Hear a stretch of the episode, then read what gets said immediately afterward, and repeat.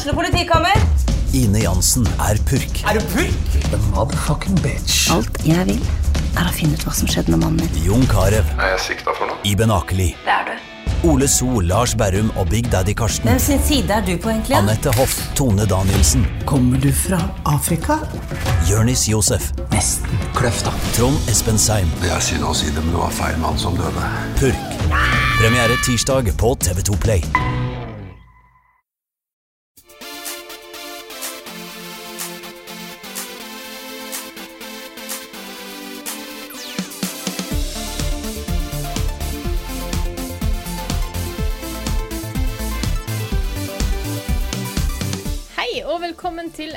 Ny episode av podkasten Level Backup med meg, Frida Danmo, og med meg har jeg som vanlig Karl Martin Hogsnes og Rune Fjell Olsen. Hallo, dere to. Hei, Frida. Hello. Og så har vi det litt eh, spesielt i dag, for vi har med oss en veldig eh, super special eh, gjest i dag. Det har vi. Eh, Det er Joakim elsker duppeditter. Eh, Svensrud, var det det? Ja, stemmer. Nettopp. Eh, Og bakgrunnshistorien her er veldig eh, morsom. Kan ikke du fortelle hvordan det har kommet til at du er her i dag? Jo, jeg har jo egentlig nesten akkurat fått vetta det, for jeg blei lurt av kona mi. Hun eh, hadde ordna det sånn at jeg skulle møte dere, for det var en av mine bursdagsønsker. For jeg blir jo 30 år i dag. Gratulerer. Så, Gratulerer med dagen. takk skal du ha. Så jeg eh, De har jo lagd en sånn backup da med at eh, jeg skulle på noe jobbgreier med noen lag som var litt sinna og greier. Jeg jobber i en sånn frivillig organisasjon. Eh, og da kom vi til Oslo, og så så jeg jo dere to helt tilfeldig og bare hilste, og så gikk dere mot meg, og da skjønte jeg jo at det var et eller annet på ferde. Så det var eh, veldig moro. Du ble ambusha av level up, rett og slett? Ja, det var eh, Det grøste godt i hele kroppen. Ja, da. Ja, Vi har alt dette på video også, og, og saken er jo det rett og slett at, eh, at kona di har ordna det sånn at din bursdagsgave, din 30-årsgave, var vårt top tier-mål på eller sånn backing-greie på Patron. Mm. 500 dollar. Da får du være gjest i podkasten, og så får du lunsj. Ja. Så vi har vært på, eh, på Munchies, selvfølgelig. Mm. Veldig god burger. Ja, vi, vi har jo haussa opp Munchies ganske hardt i podcasten. Var det liksom, Levde det opp til forventningene Ja, det syns jeg absolutt. det gjorde? det? Ja, Ja, så bra. Synes syns jeg. Det er, Det det er. Munchies er best. Sånn er det bare. Munchies er best. Ja, det er veldig godt. Og så var det jo morsomt, fordi vi spurte jo da, eh, når vi møtte deg, så spurte vi liksom Ja, hvor kunne du tenke deg å spise lunsj? Og bare Munchies. Ja, Hørt så mye om Munchies, dette måtte han bare prøve. må bare prøve det. Ja. Jeg syns rett og slett Munchies skal begynne å gi oss penger. For at Ja, vi er det- såpass, det er vi er såpass snille med den, eh, den sjappa. Og hver gang det er snakk om sånne burgerting på Facebook og sånne tråder eh, i level up-sammenheng, så er bare nei, nei, døgnhvil er mye bedre. Nei, nei, illegal er mye bedre. Og vi bare nei, Munchies. Ja. Riktig svar er alltid Munchies. Ja. Men det er veldig hyggelig at, uh, at du er her, uh, Joakim. Og vi har jo uh, lagt merke til deg gjennom mange år som innsender av spørsmål og kommentering og aktiv i community og sånne ting, så det er kjempehyggelig å ha deg på besøk her. Jeg syns det er veldig gøy sjøl å få lov til å være med. Det er litt sånn merkelig, egentlig. Litt sånn surrealistisk, men det er veldig, veldig gøy, altså. Og nå sitter vi da i sofaen til Carl hjemme hos han. Det er ganske fullt her. For kona di er her, Mm. kompisene er her. Så Carl og meg, og så er Frida da på Skype på TV-en. Så mm. Meg på én svær TV. Jeg har jo eh, ikke rydda siden sist jeg hadde masse gjester her, så vi har eh, Under E3-uka så var det jo faktisk tre overnattingsgjester på da mine 35 kvadratmeter. Ja. Så det var ganske fullt. Men, eh, men det gikk. Men jeg har da ikke ver verken støvsugd eller rydda siden den tid, så det er ikke, det er ikke veldig pent her nå. Men det, det håper jeg folk aksepterer. Altså. Er... Jeg er, er ganske sikker på at en av de colaboksene som står på, eh, på høg, min venstre side, men på en måte høyre side, der er mine. ja, Jeg er litt usikker på hva den er jeg nok, sier, den er er av er det. Ja, vi skal jo lage en vanlig podkast. Vi skal vi skal det. Ja. Så det er vel bare til å hoppe videre i det med når vi pleier å snakke om hva vi har spilt i det siste. Og da syns jeg det er bare rett og rimelig at gjesten skal få lov til å begynne. Ja, tusen takk. Eh, Jeg har faktisk i det siste så har jeg spilt Uncharted 3. Eh, Jeg har spilt 1-2, og så fikk jeg avslutta treeren nå her om dagen. Og det var altså en fantastisk opplevelse. Eh, Jeg har aldri spilt Uncharted før, og har jo bare egentlig hørt på Level Up at det er veldig bra. Og hadde tenkt å hoppe rett til Uncharted 4, men så tenkte jeg jeg må jo få med meg historien først. Og det har jeg nå gjort, og nå gleder jeg meg veldig til å, å begynne på fireren, altså. Ja, for du, du maratonspilte 1 til 3? Ja. ja. ja så godt som det er mulig.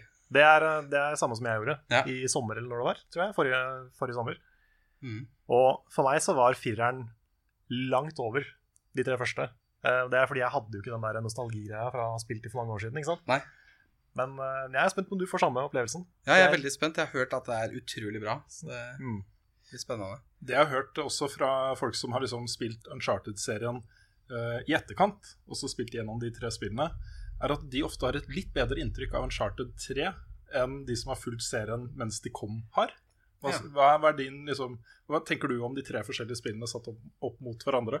Nei, jeg syns egentlig alle tre hadde veldig spennende historier. Og så syns jeg at det er, det er jo som å se på en film, nesten, bare du spiller det. At det er så uh, Når du ser de kameraføringene og alt sånt, det er en opplevelse bare å se på det som er rundt der. Du får grøsninger på ryggen bare å, å se på skjermen, liksom. Jeg får gåsehud av å tenke på at du nå skal gå i gang med Uncharted 4, hvis det er det som du liker best med disse spillene. Ja, det er jo det. For det er, det er så mye bedre i Uncharted 4, akkurat den biten. Ja.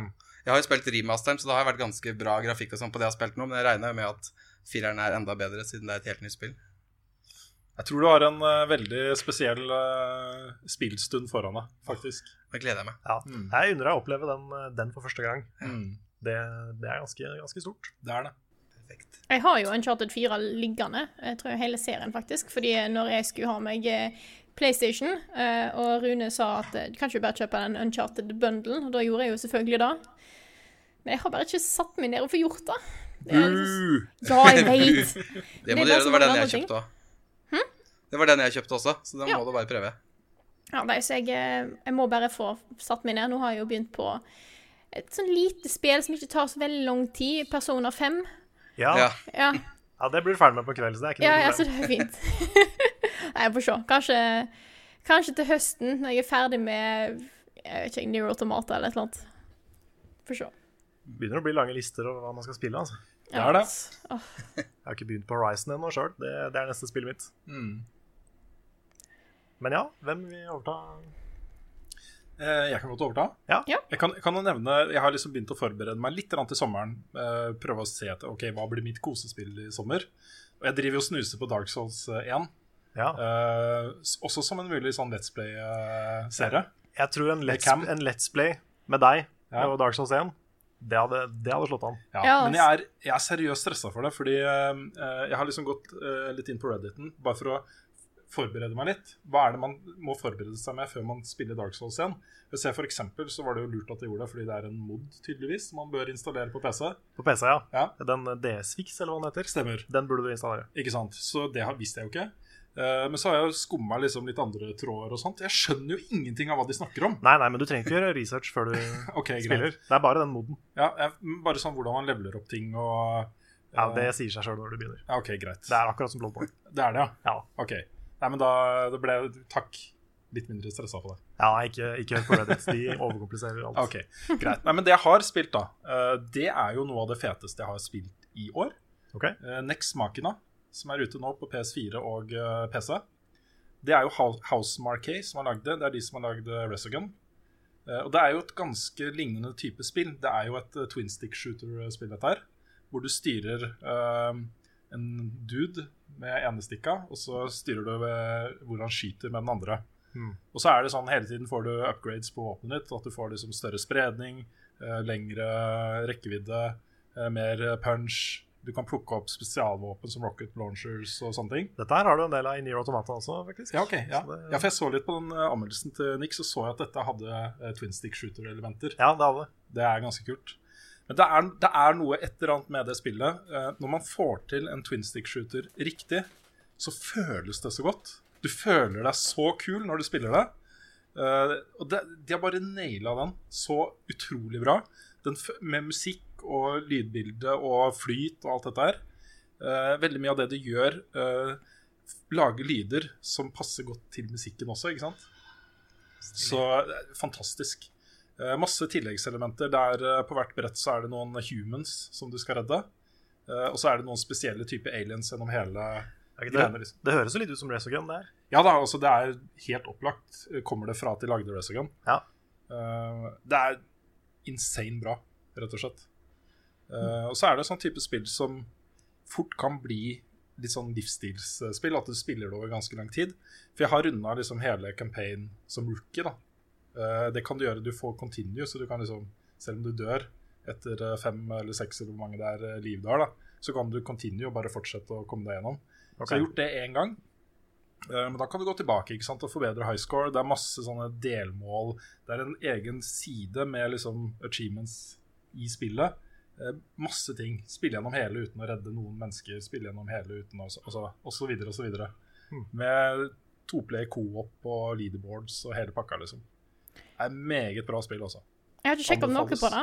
Er det Du ser en shooter. Er det første eller tredje person? Nei, det er sånn top down.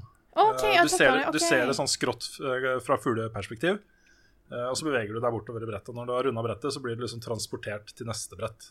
Sånn på en ganske kul måte, da.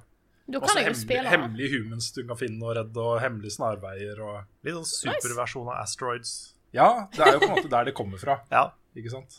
Mm. Aller første. Asteroids. Nei, jeg elsker det spillet. Um, så jeg håper, jeg, håper jeg får lagd den anmeldelsen eh, snart.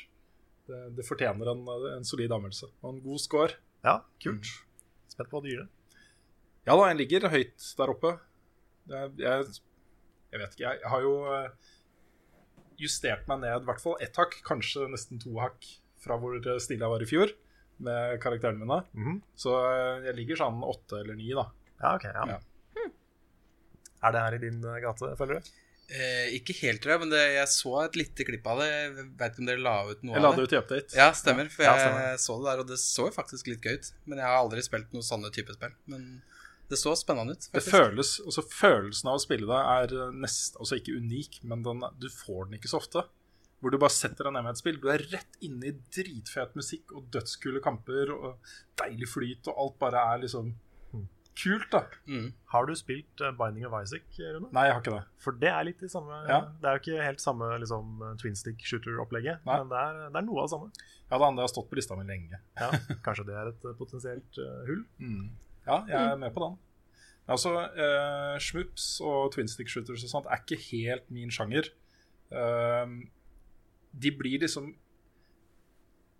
De kommer ikke opp på sånn ti av ti-nivå for folk før du har spilt det tre-fire uker. Du kjenner det ut og inn, og du får den der ekstra flyten liksom, på høyeste vanskelighetsgrad.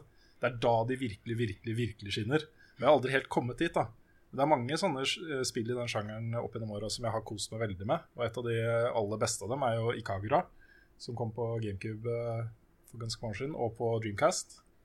Eh, også et fantastisk bra spill. Hmm. Yes. Uh, ellers så har jeg det siste jeg har spilt uh, uh, i det siste, er et mobil, nei, jo, mobilspill. Framed 2. Eh, og jeg fant ut at det, det kommer jeg ikke til å bruke så mye tid på.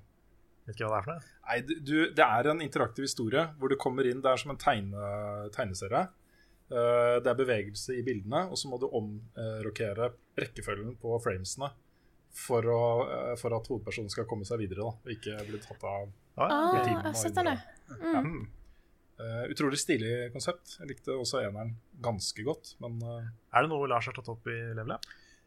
Mulig han hadde en på Framed, den Ja, første. ja. ja, for det, det høres kjent ut. Ja, jeg også føler jeg har sett det. Ja. Vi kan bytte de glassene. og Mm. Da er det sikkert Lars. Ja, vi tror Det er. Altså. alltid Lars. Har en følelse av at det er alltid Lars. Lars spiller så mye rart, så jeg regner med det er, det er nok Lars. Mm. Uh, ja, men det er meg. Karl, Ja. har du lyst til å fortsette? Om jeg vil fortsette? Ja. Det kan jeg gjøre. Jeg har spilt uh, først og fremst ett spill. Og det har jo både du og jeg spilt, eh, Frida. Jepp. Et spill med en rar tittel, som Nick anmeldte litt tidligere i år. Som heter The Sexy Brutal. Og det er eh, Jeg syns det var dritkult. Hva syns du, eh, Frida? Jeg, hadde, jeg syntes det var veldig gøy. Eh, jeg likte veldig godt hvordan vi For vi satt jo og spilte der, både jeg og Carl og Kristine. Hvordan vi sammen klarte å finne ut hvordan vi skulle løse puzzles og hva vi skulle gjøre og sånne ting. Det var, det var en, jeg, jeg tror kanskje jeg, hadde, jeg fikk mer ut av det med å spille sammen. Eh, Og så finne ut av å diskutere det enn hvis jeg hadde spilt alene. Ja, jeg tror jeg hadde kjeda meg litt mer hvis jeg hadde spilt alene. Uh, mm. Men jeg syns det, var- det var veldig spennende, den der uh, tidsmekanikken. Fordi du har, Ja. du har en klokke som teller ned. Det er en dag hvor det er en uh, Det er sånn svær eh, sammenkomst i en, i en mansion. Hvor eh, alle gjestene etter hvert blir drept. Og du må finne måter å redde dem på ved å skru tida tilbake. Stemmer, jeg har sett det klippet Ja. lagde. Og eh, du må jo f.eks. altså er det kanskje en, eh, et gevær hvor du må sette inn en fake kule for at ikke han fyren skal bli drept av den kula, ikke sant? Sånne ting. Og eh, veldig kult design på de puzzle-tinga. Akkurat passe vanskelig, liksom. Ja. Det var ikke sånn at vi ble sittende fast over lang tid. Noen var litt sånn OK, nå er vi litt usikre her, men uh, vi fikk det jo til. Ganske Mm. greit. Ja, det var liksom bare å stalke noen av de der slemme folka for å finne ut hva de drev med, og så sa det seg liksom sjøl etter hvert. For det er litt, ja. Nei, det som er litt kult, er jo at eh, alle eh, Alle figurene, alle karakterene, har ei fast løype. De vil, de vil ikke forandre seg fra den løypa. Sånn at eh, Hvis han har sett hvor de går, så kan en se på liksom, hvor på mappet de ulike vil være til ulike tidspunkt og sånt. Det er ganske kult. Og så likte jeg faktisk at eh, historien ble veldig bra etter hvert. Det overraska meg litt også. At det var en veldig kul time travel story. Med litt sånn shades av Majora's Mask og andre sånne kule tidsreisespill. Så det mm, anbefales. Jeg har veldig lyst til å prøve det. Syns det så veldig spennende ut i den anmeldelsen. Vi tok det på en kveld, så det er Ja, vi spilte det på én sitting, så det er, Ja. det er fullt mulig å ta det på en dag. Altså. Da må vi gjøre det. Det er uh, much recommended. Bare en liten digresjon. Vi har jo, vi har jo gjester her uh, eh, i leiligheten din også. Det har vi. Ikke sant? Kona, kona til Joakim er her, kompisen til Joakim er her. Jeg skulle bare nevne for dere at nå er det en ledig stol der, så hvis noen av dere sliter litt med å sitte på gulvet, så kan dere få lov til å låne stolen til, stolen Jeg til har også puter, så det går an å sitte på det puter. De skal sitte på gulvet i 1 time og 45 minutter, som vi pleier å holde på. Det kan bli, kan bli lenge. Kan bli vondt. Ja. Ja, nei, men Det er egentlig stort sett meg. Jeg har spilt litt andre småting, men ikke, ikke noe som er veldig verdt å prate om. All right. Så da kan vi gå videre til deg, Frida. Ja, da tar jeg over. Nei, jeg har, uh, I tillegg til å ha spilt over Sexy Brutal, så har jeg uh, spilt jeg litt uh, Mario Kart på flyplassen mens jeg venta på at flyet mitt skulle gå. Det var jo nesten to timer forsinka, som alltid er kjempegøy. Hurra. Hurra. Eh, men for det meste så har jeg spilt, eller fortsatt på Persona 5, som jeg begynte på når jeg var hos Carl. Jeg har tatt første dungeon og første boss, hvis du kan eh, kalle det det. Drittfyr.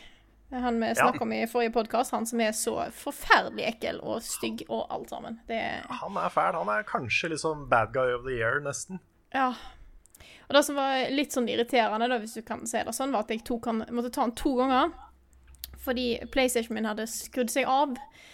Eh, jeg hadde bare satt på pause, og så hadde PlayStation skrudd seg av. Og så hadde jeg ikke lagra etter fighten, og så måtte jeg gjøre det på nytt igjen. Så fikk jeg liksom se hvor ekkel han var en gang til. Da var jeg Ja, men jeg er fornøyd med å liksom faktisk få kommet i gang. Tatt den første Tatt første børs. Første dungeon, første boss.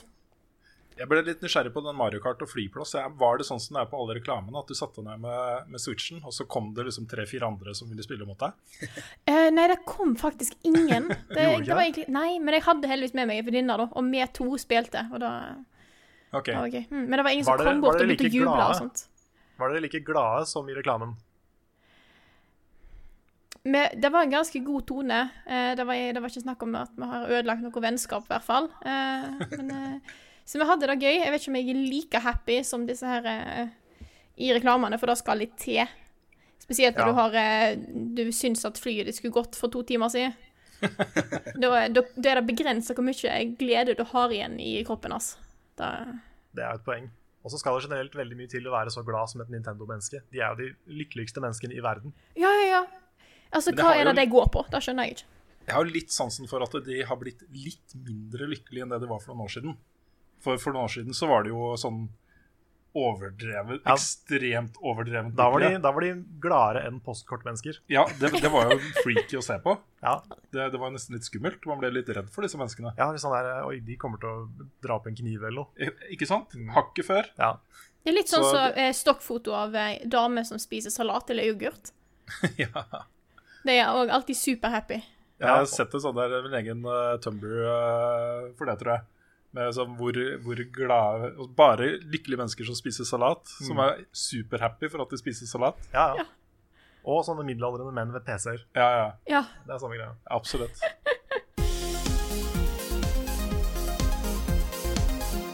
Da har vi kommet til ukens anbefaling, og i dag så er det Carl som skal komme med noe eh, vel informativt. Ja, det er det. Jeg har um, Jeg tenkte ganske hardt og lenge på hva jeg skulle anbefale den, uh, denne uka her. Det vil si ikke lenge, for jeg tenkte på det rett før vi starta opptak. Men uh, jeg må si, siden jeg har tatt såpass mange TV-serier, så skal jeg ikke ta en TV-serie, ikke et spill. Ikke noe sånt Oi. i dag. Det blir eh, heller et sted. Fordi eh, ved siden av Kiwi, når du går av på Brugata, så er det en liten sandwichbar.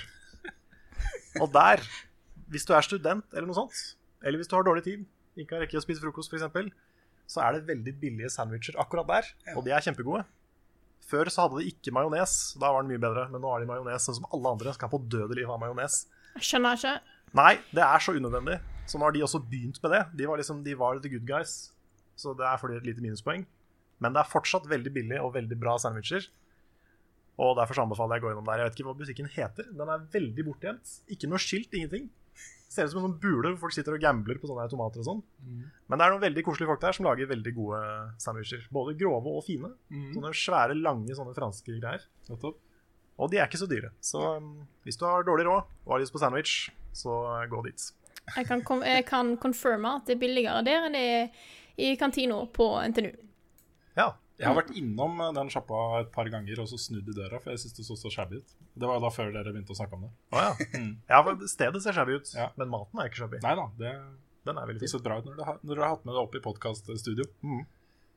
Er- er, blir det feil hvis jeg bare kommer med en kjapp bonusanbefaling? Hvis folk sitter og er veldig skuffa. Jeg, jeg bor jo ikke i Oslo engang, liksom. Å ja. Jeg, har ja nei, jeg vet ikke hvor Brugata er, eller eh, du kan godt komme ikke liker sandwicher. du kan godt komme med en sånn DLC-anbefaling. Ja, en uh, liten bonus. Ja. Uh, nei, fordi det var jo akkurat sesongfinale på American Gods. Ja. Uh, som er TV-serien eh, adoptert fra Neil Gaimans fantastiske bok. Og den serien også, den er helt fantastisk. Det er jo Brian Fuller eh, og en til, jeg husker ikke navnet som står bak. Og Brian Fuller er jo mannen bak Hannibal.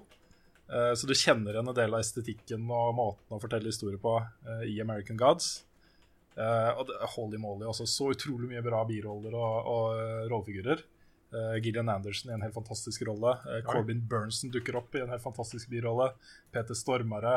Det er bare ene etter andre, liksom. Fantastiske roller. Og selvfølgelig Ian McShane som Odin. Ja. Kanon, altså. Jeg visste ikke at Agent Scully var med. Det er kult. Nei, hun, er, hun spiller TV. Guden for TV. Oi.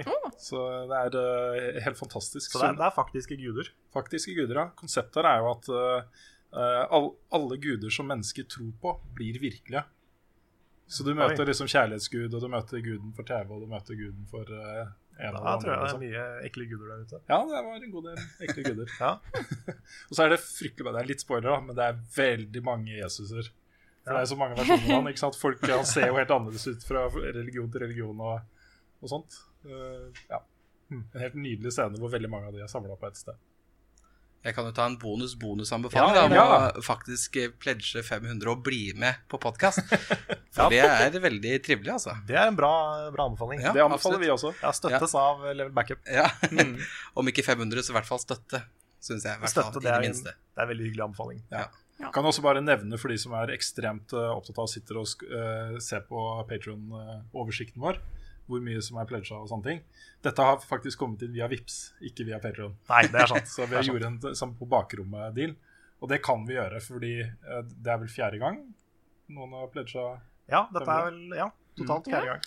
Vi klarer å håndtere fire sånne i året. Om det er på Vips også, så det er greit. Det går. Da er det tid for ukens nyheter. Rune, sett i gang. Ja, eh, det er jo litt sånn eh, nedfallsfrukt fra etere fortsatt. Eh, Jeg har lest et par eh, herlige intervjuer med David Cage om Detroit Become Human. David Cage? David Cage. Emotions. Ja. Og det er så funny. Det er så funny fordi eh, Hør her. I et intervju med The Verge, The Verge eh, når de snakker om hva egentlig Detroit handler om, så sier han eh, People will, will see eh, Detroit as Oh, this is about androids and the revolution. And honestly, I don't think this is eh, the story I wrote. Og så sier han til Kotaku, et annet intervju The story I'm telling is really about androids. They're discovering emotions and wanting to be free. if people want to see parallels parallels with this or that, that's fine with me. But my story is about androids who wants to be free. Wow. Han vet jo faktisk ikke hva slags historie Nei, han prøver å fortelle. Han gjør ikke det, da. Nei, han bare slenger jo ut bare masse greier. Oh, androids, feelings, emotions. Emotions. Ja, ja. Men her, her mista du en god anledning til å ta en skikkelig David Cage. ja, jeg klarer ikke den. Kanskje du burde ha lest opp uh, sitatene. I want to create androids. ja, du må ha litt den der eh, småfranske. Ja, ja, ja. Litt sånn pompøse veldig, og veldig mye emotions. Mm. Men jeg skjønner ikke at det går an å ha så lite oversikt over hva du faktisk har lyst til å formidle. Jeg vet det, men han eh, Det skinner ganske klart igjennom at han ikke ønsker å formidle noen ting annet enn eh, å gi eh, folk valg. Ja. Liksom, Han vil lage et kult spill med androids om valg. Det er akkurat det. Ja. Ja. Og det, på, den ene, på den ene siden så er det på en måte noe litt sånn rent og eh, hva skal man si na, eh, Litt sånn koselig naivt ved akkurat det. Mm. Men på den annen side, hvorfor i helvete ikke lage et spill som prøver å fortelle noe Fortelle noe? Og som har et budskap, liksom? Ja, og så er det noe med at eh, vi fikk jo nettopp en eh, veldig bra HBO-TV-serie om det temaet her. Ja. Så hvis, hvis du nå lager en ny historie om det, Mm. som ikke forteller noen ting, ja. da, da vil jo det bli enda litt tydeligere, da. Mm. At historien din ikke har så mye innhold. på måte. Ja. Nei, det her er, det er fascinerende, han, han mannen der. Jeg, jeg er klarer ikke helt å skjønne hva som foregår inni hodet hans. Ja, for det er jo litt sånn, Man kan jo gå tilbake til de tidligere spillene hans og uh, tillegge de mening. Og da blir de bedre. Og så Når man på en måte prøver å tolke de spillene og hva han prøver å formidle, og sånn, så blir de bedre i hodet mitt. da. Men hvis man sitter der med en, en så åpenbar uh, greie om at her er, det er ikke noe mening her, liksom. det er bare masse kule konsepter som er stappa inn i et greie med masse interaktivitet. og så... Jeg har bare ingenting på hjertet. Ingenting på hjertet. Ingenting, ingenting jeg vil fortelle verden. Traileren ser jo veldig kul ut. da. Det ser ut Ja. som et veldig stilig spill. Ja, da. spillet ser jo fantastisk ut. Det er jo rart hvis ikke han vet noen ting om hva det skal være. Ja. Det, ja. Men jeg, jeg leste et, et intervju eh, Jeg husker ikke om det var et intervju eller hva det var, men uh, om Heavy Rain noen år etterpå. For det er jo et ganske stort plothole i Heavy Rain. Mm. Med at han hovedpersonen, han uh, ah, Herregud, hva heter han? Ethan? Ethan, ja. Ethan, Han har sånne blackouts mm. i løpet av historien. De blir aldri forklart. Men det som egentlig skulle skje, var at han skulle ha en telepatisk link til morderen. Okay. En overnaturlig link som de bare fjerna. Litt sånn i siste liten fra spillet. Så nå er det bare et plot hole. Ha. Eh, men det, det skulle være en hel greie. Altså, Heavy Rain skulle ha en sånn supernatural historie. Mm. Som ikke fins i spillet i det hele tatt.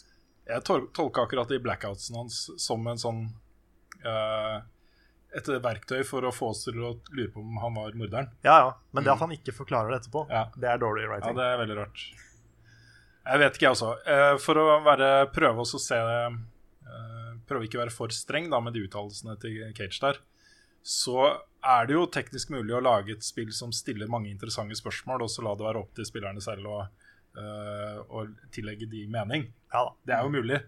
Men det er Si det, da, istedenfor å si at nei, det handler om Androids i et intervju. Og nei, vet du, det handler ikke om Androids, det handler om mennesker. litt. Ikke sant? Ja. Så det, det er litt sånn Vi høres sikkert litt slemme ut mot David Cage nå.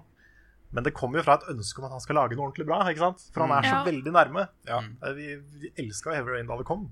Det Mm. har, eh, det har eldes ganske dårlig. Og det er elementer i Beyond Two Souls, selv om jeg ga det liksom en terningkast tre. Så er det elementer der. Hvis hele spillet hadde vært sånn, så hadde det vært dødsbra. ikke sant? Ja, de scenene hvor Jodie er liten, og Mm. Ja, de er jo nydelige scener. ikke sant? Men eh, det, er så, det er så close. Det er Mm. liksom sånn nesten så bra. Ja, jeg syns Heavy Rain var veldig bra, men eh, Beyond den fikk jeg ikke gjort ferdig. Nei. Det ble bare sånn halvveis. Husker det er indianerkapitlet. Å nei! Det er så mye rart i det spillet. Og den der roman romansen som liksom plutselig var det man ene på den gården. ja, ja. Ja. Bare, Hva var det for noe? Plutselig skulle jeg mene noe om jeg skulle kysse han eller ikke. Ja, men jeg spilte jo dette her med Kristine. Ja, Hun var veldig med på det, Okay. fordi han var kjekk. Oh, ja. Han var, fordi jeg plukka ikke opp hvor kjekk han var, Nei. men han var det kjekkeste i verden. Okay. Så det kan hende bare er det at han var så kjekk. At derfor så ble det romance. Men jeg, er ikke Kristine mot sånn forced romance i Jo, veldig. film og sånt? Men hun syns han var så kjekk OK, ja, men at det, det unnskyldte alt, på en måte. Skal vi gå videre, Rune? Vi kan gjøre det. Eh, I august så er det jo det som jeg tror er verdens største spillmesse i Tyskland. Gamescom eh, i Köln. Det er fortsatt i Köln, er det ikke det? Jo, det tror jeg. Eh, de har jo eh, 345 000 deltakere. Ja, jeg var der et år. Ja. Jeg har aldri vært i en så tettpakka tønne med sild noen gang. Det var så mye folk. Og det var én som gikk rundt med Buster Sword, og det var jo dritskummelt. Så han måtte liksom heve sverdet sitt over alle de andre i, i massen. da. Ja. Og det var, nei, det var ikke gøy å være der da. Nei.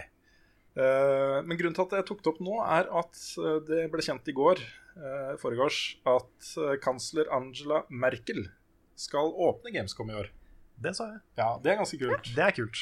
Så kommer kansleren for hele Tyskland og åpner uh, verdens største spillmesse. Det er en, uh, en bra greie. Mm. Ja, det er litt sånn cred til eh, spillbransjen, føler jeg. Absolutt. Mm. Litt sånn som når han japanske statsministeren kom og introduserte OL med Mario-kostyme. og Ja, ja. Får, får litt den der, nå, er, nå er spill i fokus. Ja. Og så gir jo på en måte Gamescom alltid, hvert eneste år, et lite håp om at alle de tingene som vi hadde spådd og håpa vi skulle se på etter det, kommer der isteden. Mm. Det er jo pressekonferanser der, og det er announcements. Det er så- sant. Og det er jo sånn at Fromsoft jobber med noe. Ja, de jobber med noe. De de jobber med noe. De jobber med Vi vet at de jobber med noe, vi Ja. bare vet ikke hva det er. Så kanskje, kanskje Gamescom. Og ikke Metroid, som vi snakka så veldig mye om Nei, det før var ikke. Nintendo. Det var dessverre ikke Metroid. Nei. Um, og så har da også Dette var jo et rykte som oppsto for noen uker siden, eh, som nå ser ut til å være mer eller mindre bekrefta, fortsatt gjennom et, uh, en slags lekkasje. Eh, det har lekka et bilde eh, fra Target, som er en butikkjede i USA, uh, av coveret til uh, Call of Duty Modern Warfare standalone-versjon, altså remastered. Og den, Det går da mot lansering den 27. juni, og det vil koste rundt 40 dollar. Så det, det ser ut som den kommer. Ok, 27. juni, det er jo bare fem Ja, til. De tør jo ikke å snakke om det. Nei. De, de, jeg tror det bare De har tenkt å bare lansere det, og så ikke snakke om det. Ja. Altså, Det kommer jo til å bli en shitstorm på internett uansett. det gjør det. Du er jo fucked med den der. Det er, med så mye kontroverser som det var når det ble lansert med den der fancy, fancy eh, edition-greia. Eh, så, og det var, folk var sinte da. De kom til å bli sinte nå òg. Jeg tror hvis folk eh, For de sa jo så tydelig fra at dette er den eneste måten å spille uh, remastered-versjonen av Modern Warfare. Du måtte kjøpe uh, den derre Legacy Edition, var det ikke det? Jo, mulig. Et eller annet sånt. Og det var 800 kroner, var det? Rundt der. Ja. Uh, du måtte kjøpe Infinite Warfare for å kunne spille eh, Modern Warfare remastered. Hvis, hvis, de, hvis jeg hadde sagt at det kommer neste sommer som standalone Mange som hadde venta, altså. Mm. Mange som hadde venta. I hvert fall gi de den muligheten, ikke sant? Så ja. Ja. Jeg skjønner hvis folk blir eh, sinte der. Det er eh, lov å bli litt pissed på sånne ting. Mm. Eh, Shady business practices. Oh yeah. Da har vi spretta colaboksene og er klar for å begynne på ukens tema. Ja, vi har for så vidt allerede snakka om ukens tema. Vi eh, Ja. tok det som en nyhetssak, og så kom vi på Vi hadde liksom ikke ukens tema, ikke, ikke ukens tema den gangen der. Nei, vi kom på at eh, vi måtte finne på et tema også, men men dette her er et bra tema. Ja, det, vi, vi hadde prata ganske lenge om det, så nå gjør vi det en gang til. Ja. Ja. Så eh, hvis, hvis, eh, eh, hvis vi var smartere sist, Karen, så har vi det på tape, så kan du kanskje klippe litt. Ja, ikke sant? Det, det kan være. Jeg kan ta et sånn video, ikke video engang, lydtriks. Eh, Lydtriks, Mhm. nettopp. Nei, men eh, temaet er selvfølgelig eh, Det er jo sommer og sommersalg. Eh, Med utgangspunkt da i Steam-sommersalget. Det har jo blitt en sånn der kjempe jeg, jeg ser at folk begynner å kalle det Black Summer. Ja, Ikke sant? Også, okay. Det, det er liksom bonanza. Folk går litt bananas og kjøper inn masse spill Uh, som de aldri kommer til å spille. ja da. Jeg er skyldig i det sjøl. ja, Mm. Men det er jo så mye bra tilbud eh, på gang på Steam. Har dere kjøpt noe ennå? Ikke ennå. Uh, nei, jeg har vel ikke kjøpt noe, men jeg kikka jo alltid gjennom. Nå er jeg på PlayStation og ikke på Steam, for jeg spiller stort sett bare på PlayStation og Switch. Men jeg kikka jo gjennom, og jeg har jo stadig lyst til å kjøpe et eller annet, men jeg må jo ta meg sjøl i det at eh, jeg må jo faktisk spille det òg, ikke bare kjøpe det. Ja. Er det noen bra deals på PlayStation-salget? Ja, det har vært ganske mye bra, men jeg husker jo ikke hva som er hva nå. Nei. Jeg kjøpte jo blant annet den der um, Uncharted kjøpte jeg jo der, men det, var Ja, jo, okay. det er jo lenge siden. Men det er alltid salg der. Men det er jo fullt mulig å gjøre vanvittig gode deals her. Mm. Uh, vi snakka om det uh, for noen minutter siden. Portal til 14 kroner. Portal 2 til 14 kroner. Jepp. Det er, det er bra. Ja, det er en ganske grei deal. Det er en grei deal for Portal. Og så er det òg veldig mange andre store spillserier som er på salg, altså rundt 50 Jeg ser at New Automata er til 30% som er en av de spillene jeg kommer til å kjøpe meg i sommer. Mm. Ellers er både Prey på salg, og Dishonored 2 er på salg, og ja, her er det mye en kan uh, hente hvis en ikke har kjøpt disse store eh, seriene fra før av. Mm. Eh, det, for min del så er det to sider av dette her også. Eh, Den ene er, altså Jeg bruker stort sett disse salgene her til å kjøpe spill jeg eier fra før, på andre plattformer. Bare for å ha en digital versjon som alltid er tilgjengelig for, for meg. liksom mm. Jeg syns det er en veldig grei måte å gjøre det på, og ikke bruke så mye penger. Og så har du et klassisk spill som du kanskje får lyst til å spille en gang. Jeg tror jeg har alle Assassin's Creed-spillene på PC som jeg aldri har spilt. Nettopp. Fordi eh, jeg spilte de først på PS3, Mm. men så gidder jeg ikke å koble til PS3-en min Nei. for å spille Assassin's Creed igjen. Nei. Så jeg tror, ok, vi har det på PC. Ja, ikke sant. Eh, men på den annen side så har det blitt også Det har vokst fram en litt sånn der, sånn Black Friday-kultur rundt dette her. Eh, og særlig med det også når eh, Steam har jo den Det er sånne samlekort som er knytta til salget. Altså Hvis du kjøper spill, så får du forskjellige typer kort, og så trading og masse greier, liksom. Mm. De har liksom gamifisert det på en måte som gjør at folk blir enda mer gærne liksom, etter å kjøpe ting. Så jeg vet ikke helt hvor Jeg vet ikke helt om jeg liker den på en måte kultur, kulturen rundt det, da. Nei, jeg føler, føler sånn eh, Bare trading cards som konsept er jo for meg litt shady til å begynne med. Ja. Sånn som Jeg husker da jeg var liten og samla på Pokémon-kort. Og Mm. det var jo ikke noen garanti for at du fikk noe bra i den bunken. Nei. Som regel fikk du ikke det. Det var jo bare liksom enda noen energy-kort og noe eh, Kanskje en Squirtle, liksom. Og det er jo litt sånn Mm. med de greiene der at du Det er nesten gambling. Ja. ja, det er nesten det. Det er gambling som er der for å få deg til å bruke mer penger. Mm. måte. Så, så selv om ting er billig, så jeg, jeg tør ikke å tenke på hvor stor andel av mitt Steam-bibliotek som er spill jeg aldri har spilt, og som jeg kanskje aldri kommer til å spille. Og da er jo plutselig 50% ikke så billig allikevel.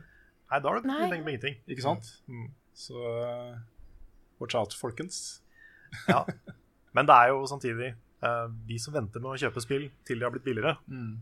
det, det er jo kjempepraktisk for dem.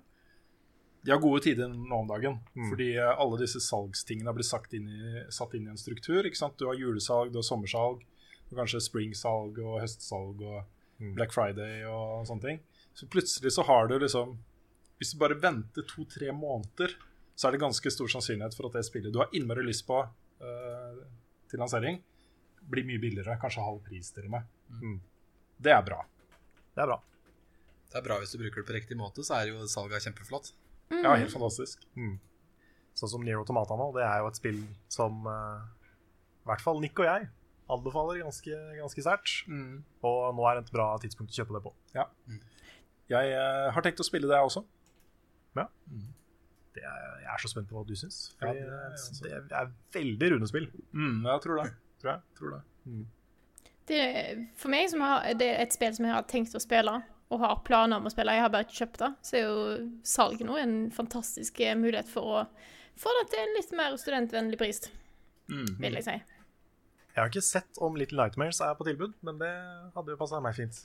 For det skal jeg spille til neste Det skal du jo. film i tull. Ja, jeg tror kanskje det er på tilbud. Ja. På PlayStation i hvert fall. Jeg får, jeg får sjekke. Nei, men jeg jeg syns det var naturlig å ta det opp som ukens tema, i hvert fall. Eh, hvis det er noen som ikke har fått med seg at det nå er kjempegode salgskampanjer på både Steam og PlayStation, og sikkert, sikkert Xbox også. Det tør jeg ikke å si for sikkert, for det har jeg ikke sjekka. Men, uh, men nå er det liksom kjøp spill nå. Ja. Varer vel fram til eh, i hvert fall ut første uka i juli, vel? Jeg tror det var pleier 5. å være et par juli. På mm. 5. juli, tror jeg det sto på Steam. 5. juli. Det er på Steam, da. Jeg vet ikke hva det er på de andre plattformene.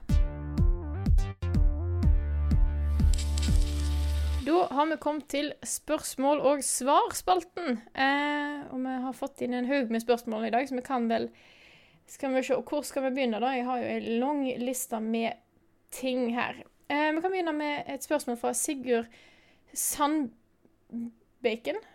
Sandbacon Nei, dette vet ikke jeg hvordan Sandbacon. Eh, eh, skal, skal dere rundt på noe eventer i nærmeste framtid? Og det er jo mange som spør oss om vi skal på Desicon, som er nå i helga. Ja. Jeg er ikke 100 sikker på om jeg får det til likevel. Jeg hadde tenkt å være der en tur på søndag. Eh, Men vi skal spille inn litt mer av den eh, Final Fantasy-podkasten vi har gående nå, eh, også på søndag. Fordi det var den eneste dagen som funka. Så jeg må se an om jeg får tid til å stikke innom. Men jeg har fått med meg så å si alle desikonene som har vært, så det hadde vært uh, veldig koselig å stikke innom. Jeg begynner å føle meg litt gammel. Og det er litt synd, fordi det er veldig koselig å være der. Men jeg begynner å føle at liksom, nå er jeg på toppen, nå er jeg liksom litt høyt oppe i målgruppa der. At nå, nå er det mye fjortiser og sånn, og det er liksom veldig hyggelig at, at det er det. Men jeg føler meg kanskje litt mer sånn utilpass når jeg går rundt her, som gjest, da. Mm. Det, er, eh, det er veldig ålreit å lage reportasje og sånn. Men eh, det å bare være der, det føler jeg meg litt gammel. Ja, hva, hva tenker du i meg, da, som er eh, 14 år eldre? men, er, men reiser du på Desicon som gjest? Nei, jeg gjør ikke det. Men jeg har jo, uh, har jo to barn som etter hvert begynner å bli synes det der er litt spennende. Men da er det naturlig å Ja, ikke sant? dra igjen. Liksom. Ja. Jeg vet ikke om vi får eh, kæra oss til Desicon. Jeg vet ikke om jeg får gjort det, i hvert fall. Nei. For det er sankthansaften og mye ting som skjer. Og dattera mi skal til Moss og besøke besteforeldre og sånne ting i helgen. Mhm. Uh, men uh, mulig jeg tar en tur inn på søndag. Ja. Jeg tar i hvert fall eh, Nick har tenkt seg dit på Ja. søndag. Eh, mulig det blir noen flere fra Level Up. Bjørn er jo tungt involvert. Ja. Svendsen tror jeg kommer på hvert fall på Kapla, som er samme dagen. Tror jeg er på søndag. Ellers er det, det er mulig det er både lørdag og søndag. Det Ja. vet jeg ikke. Men de skal være konferansierer der, så vidt jeg skjønte. Mm. Så det er kult. Og jeg er på feil side av landet. Så det, er, det er det ikke så mye valg. Ellers så er det vi, er, eh, vi blir mest sannsynlig invitert til en, eh, en messe eller en konferanse som skal foregå i Tromsø i høst. I september en eller annen gang. Eh, Det gjelder deg også, Frida. Hei! Så Nice! Jeg har ikke noen detaljer om den foreløpig, men det ser ut som om det blir Tromsø-tur på oss i løpet av september. Og det blir en helg, en lørdag og søndag. Kult! Um, de to datoene som er foreslått uh, foreløpig, de passer ikke så veldig bra for oss. Den ene datoen er din eh, 30-årsdag, Karl. Carl. Det er det. Ja. På dagen, liksom. På dagen. Og den andre dagen eh, som de vurderer eh, å ha det, er den helgen som Destiny 2 lanseres. Ja. Ah, shit. Det er like, like stor dag for deg som for meg. Ja, ikke sant? Så, så vi får se. Jeg har sagt, eh, jeg har sagt at eh, helst ikke Destiny 2-helgen, men jeg kommer hvis det blir det. da Så Ja. jeg får det til å funke. Så Hellig, da. opplever du å da være ca. 20 levels bak de andre du spiller med. Ja, ikke sant? Uff. Shit. Og så har vi jo dette her svære showet vårt eh, Kilden i Kristiansand i eh, august. 19. august. um, det blir jo en en helaften fra klokka fem til klokka ni. Det blir uh, podkast, det blir uh, intervju med Dpad og uh, Krillbite.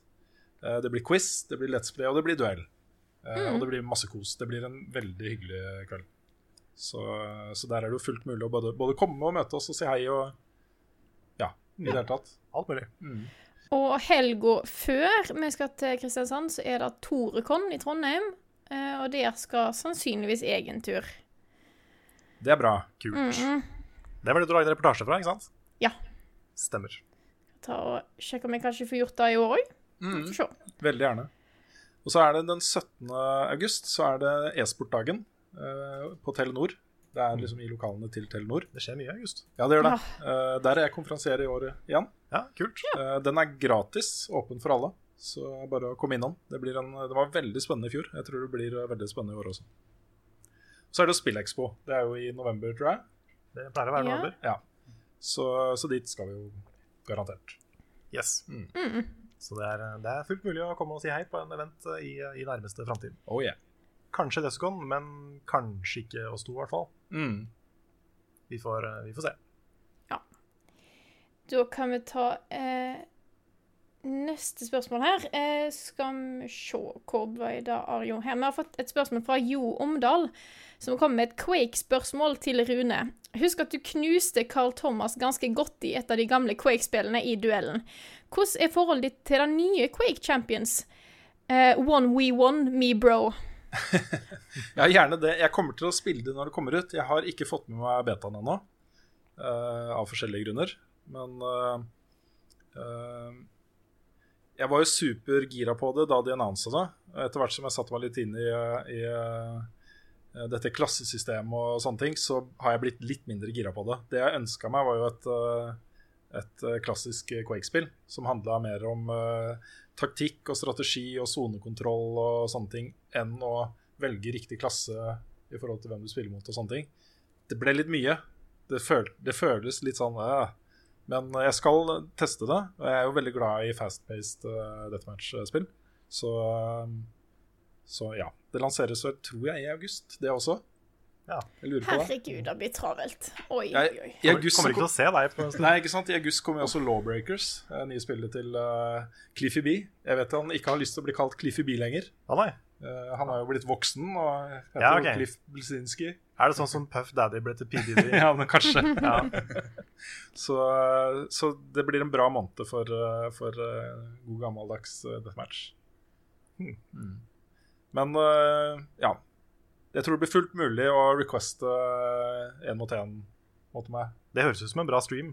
Ja da. At du sitter og utfordrer Patreon-backere eller Det, bare det hadde faktisk vært andre, kult. andre Og det hadde vært kjempegøy. Ja, det hadde vært utrolig kult. Eller kanskje to mot to. Får jeg med meg Nick for moro skyld. Ja, ja.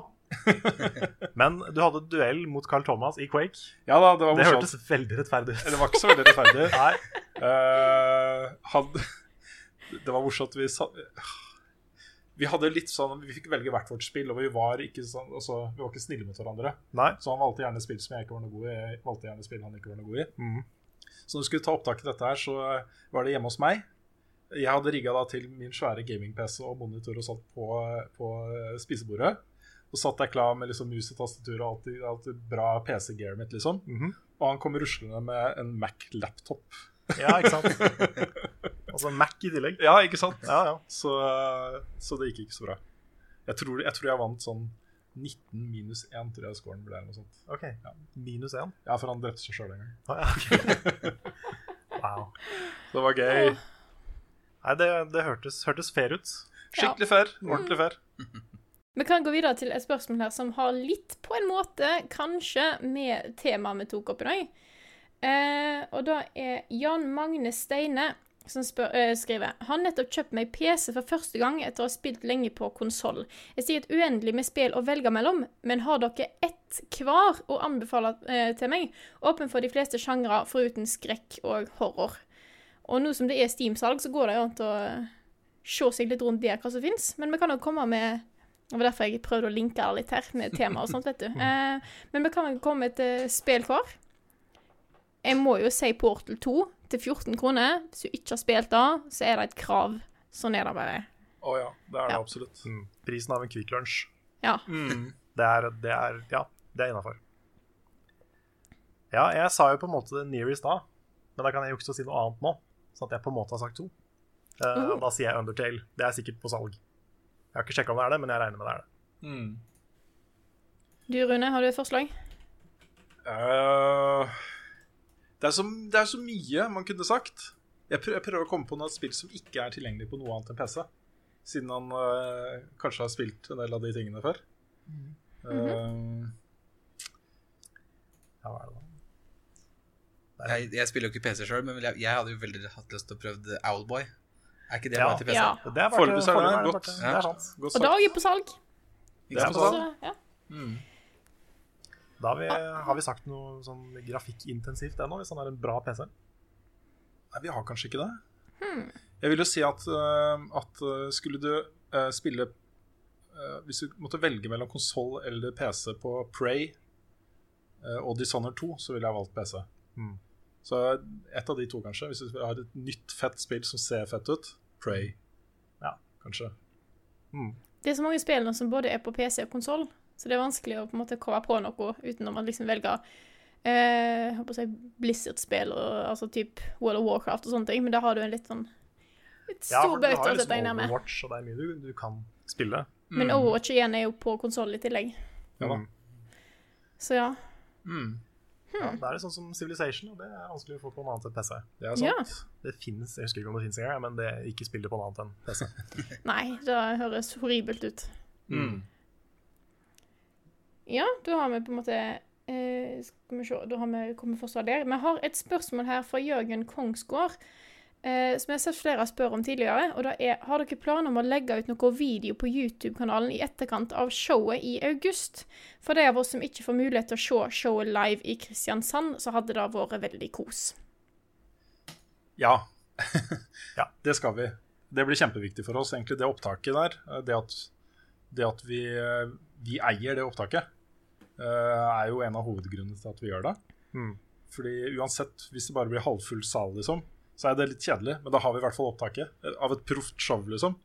Så, eh, så det kommer.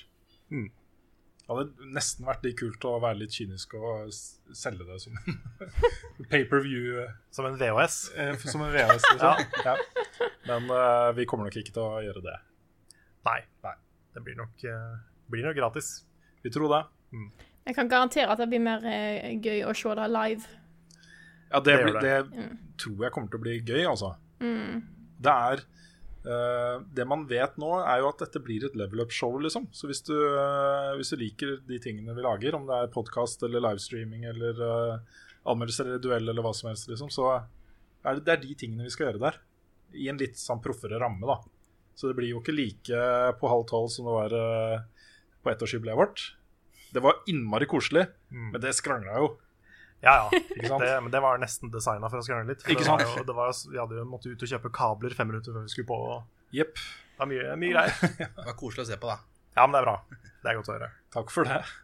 Jeg tror jeg, blir, eh, jeg gleder meg veldig til eh, showet, så jeg håper så mange som mulig har tenkt til å ta turen, i hvert fall. Det blir en klein duellstraff, blant annet, som vi fremfører på scenen. Oh, ja. Det er bare til å glede seg, folkens. Så eh, hvis dere har lyst til å eh, oppdage eh, Oppleve, herregud, duellstraff live, er det bare til å komme til Kristiansand den 19. 19. august 19. august. klokken 17.00. Dørene åpner i 4.30 5-tiden. Da skal vi henge litt først. Ja. Skille litt. Chille. Skille litt i resepsjonen. Ja. Og så blir det show. Yes. Så da har vi tatt litt reklame rundt det der. Denne Ja, Vi kommer sikkert til å nevne det en gang til før podkasten er over. Ja, ja. Eh, så det er bare til å bli, eh, forberede seg på. Ja, jeg kan nevne én ting, da. Eh, Da kommer det. ja, det er, litt, det er litt, kanskje litt skummelt å, å nevne det, for vi har ikke blitt helt enige ennå. Men vi driver og dealer med han Ole Sønnik Larsen, som lagde eh, Level Up-musikken, som du har hørt i denne podkasten, og på alle de andre tingene vi gjør, eh, om å komme og lage en fremføring av den låta live mens vi er der.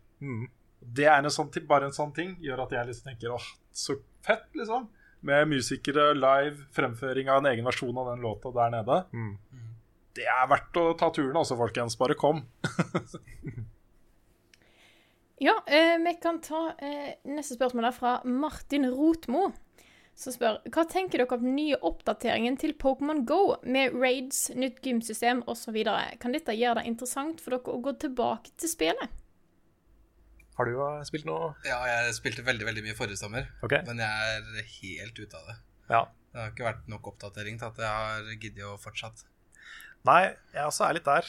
Um, jeg har jo spilt det litt nå i vår, bare for å ha noe å gjøre mens jeg har gått rundt i Oslo og prøvd å komme meg litt mer i form. Um, men jeg syns ikke det er dette her spillet trenger. Jeg syns det trenger trading. Mm. Ja. Og det trenger uh, kanskje også en ny generasjon snart. Ja. Bare så det er noe mer å gjøre i det spillet. Også, altså Hvis det er sånn at raid er for å fange en legendary, f.eks., så er det litt kult. Hvis det er det de raidsa brukes til. Det Det er vet jo jeg ikke. Det er jo for å fange eh, en veldig, veldig sterk Pokémon. Ok. De har, jeg har sett litt video fra det. Det er at en, du skal slåss mot en som, som et lag da skal du slåss mot en Pokémon med veldig, veldig høy CP. Eh, og så kan du fange noe Pokémon etterpå, tror jeg. Jeg har ikke satt meg så mye inn i det, men det virker som at du faktisk kan få litt reward for det. da. Problemet er at du er nødt til å være en del folk for å gjøre det. Og det er jo Mm. ikke alle som har som går rundt og spiller Pokémon Go som en gjeng lenger. Nei, da er det enda, enda en gang noe dritt å bo på landet. Ja. Det er jo eh, Pokémon Go tagline. Det er, det er suger å bo på landet. Så nei, jeg vet ikke helt. Jeg, eh, kom, jeg kommer nok ikke til å ta det så mye opp igjen. Jeg tror ikke jeg har starta Pokémon Go siden august, eller noe sånt. Nei. Så eh, det er liksom ikke nok greier der ennå. Det er kult at de velger å ta tak i dette og legge til litt nye ting, men det er ikke nok for meg. Nei, Nei det, er, det er trading som må til, tenker jeg. Ja. For at jeg skal gidde å spille det mye igjen. Det, før det så er det ikke noe vits. Føler jeg, da. Nei. Men jeg er spent på å se hvor uh, mye hype og sånt det blir rundt det nå i, i sommer. Nå som uh, oppdateringene begynner å komme ut. Jeg så at eh, Pokémon Go sto at det var oppdatert på telefonen min i dag, så eh, kanskje det har skjedd noe der. Men eh, jeg er litt spent på å se. Det er sannsynligvis de som har spilt mye allerede og har holdt på helt siden i fjor sommer, som kommer til å ta tak i dette her, tror jeg. Det blir nok en liten gjeng i Frognerparken til sommeren òg. Ja, det vil jeg tro. Ikke en like stor gjeng, men en liten gjeng. Nei. Nei, jeg spilte jo bare Pokémon Go opp til level 15 cirka. Uh, og det var av to grunner. ene var at ungene syntes det var litt gøy. Og det andre var at jeg ville vite hva dette var snakk om, så jeg kunne mene noe om det. Som spilljournalist, liksom. Jeg følte jeg måtte teste det. Men det appellerer ikke til meg også, det spillet. Og så er det jo veldig synd at ikke de gjorde noe med det, at det faktisk eh, kunne holde på den kundebasen Mm. de hadde, for det var jo veldig, veldig svært. Mm. Og de kunne jo holdt på det hvis de hadde oppdatert det med en gang. Ja. Ikke venta at, at det fortsatt ett år etterpå ikke er bra nok, liksom. Nei, sant. Jeg tror de fikk såpass sjokk av hvor mye det tok av, Ja. at de kanskje har brukt all tida si på å bare fikse det som var der. Ja, det tror jeg også. Istedenfor å, lage masse nytt. da.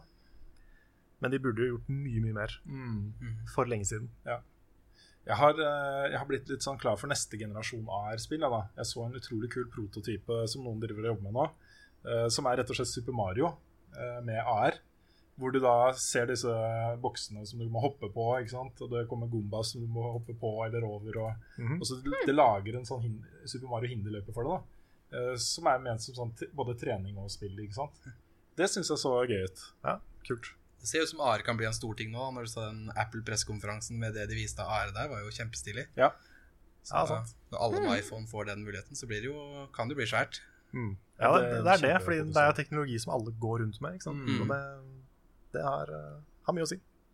Da kommer vi ta eh, neste spørsmål, som kommer fra Johan Martin Seland, som spør hva er den beste DLC-en dere har spilt? Ikke Destiny, Rune. Nei, det hadde ikke vært uh, svaret mitt heller. Nei. Old Hunters. Ja, jeg skulle til å si det. Det er litt sånn, Jeg føler meg litt som en broken record, Ja, det, men mm. det er Bloodborne The Old Hunters. Helt klart.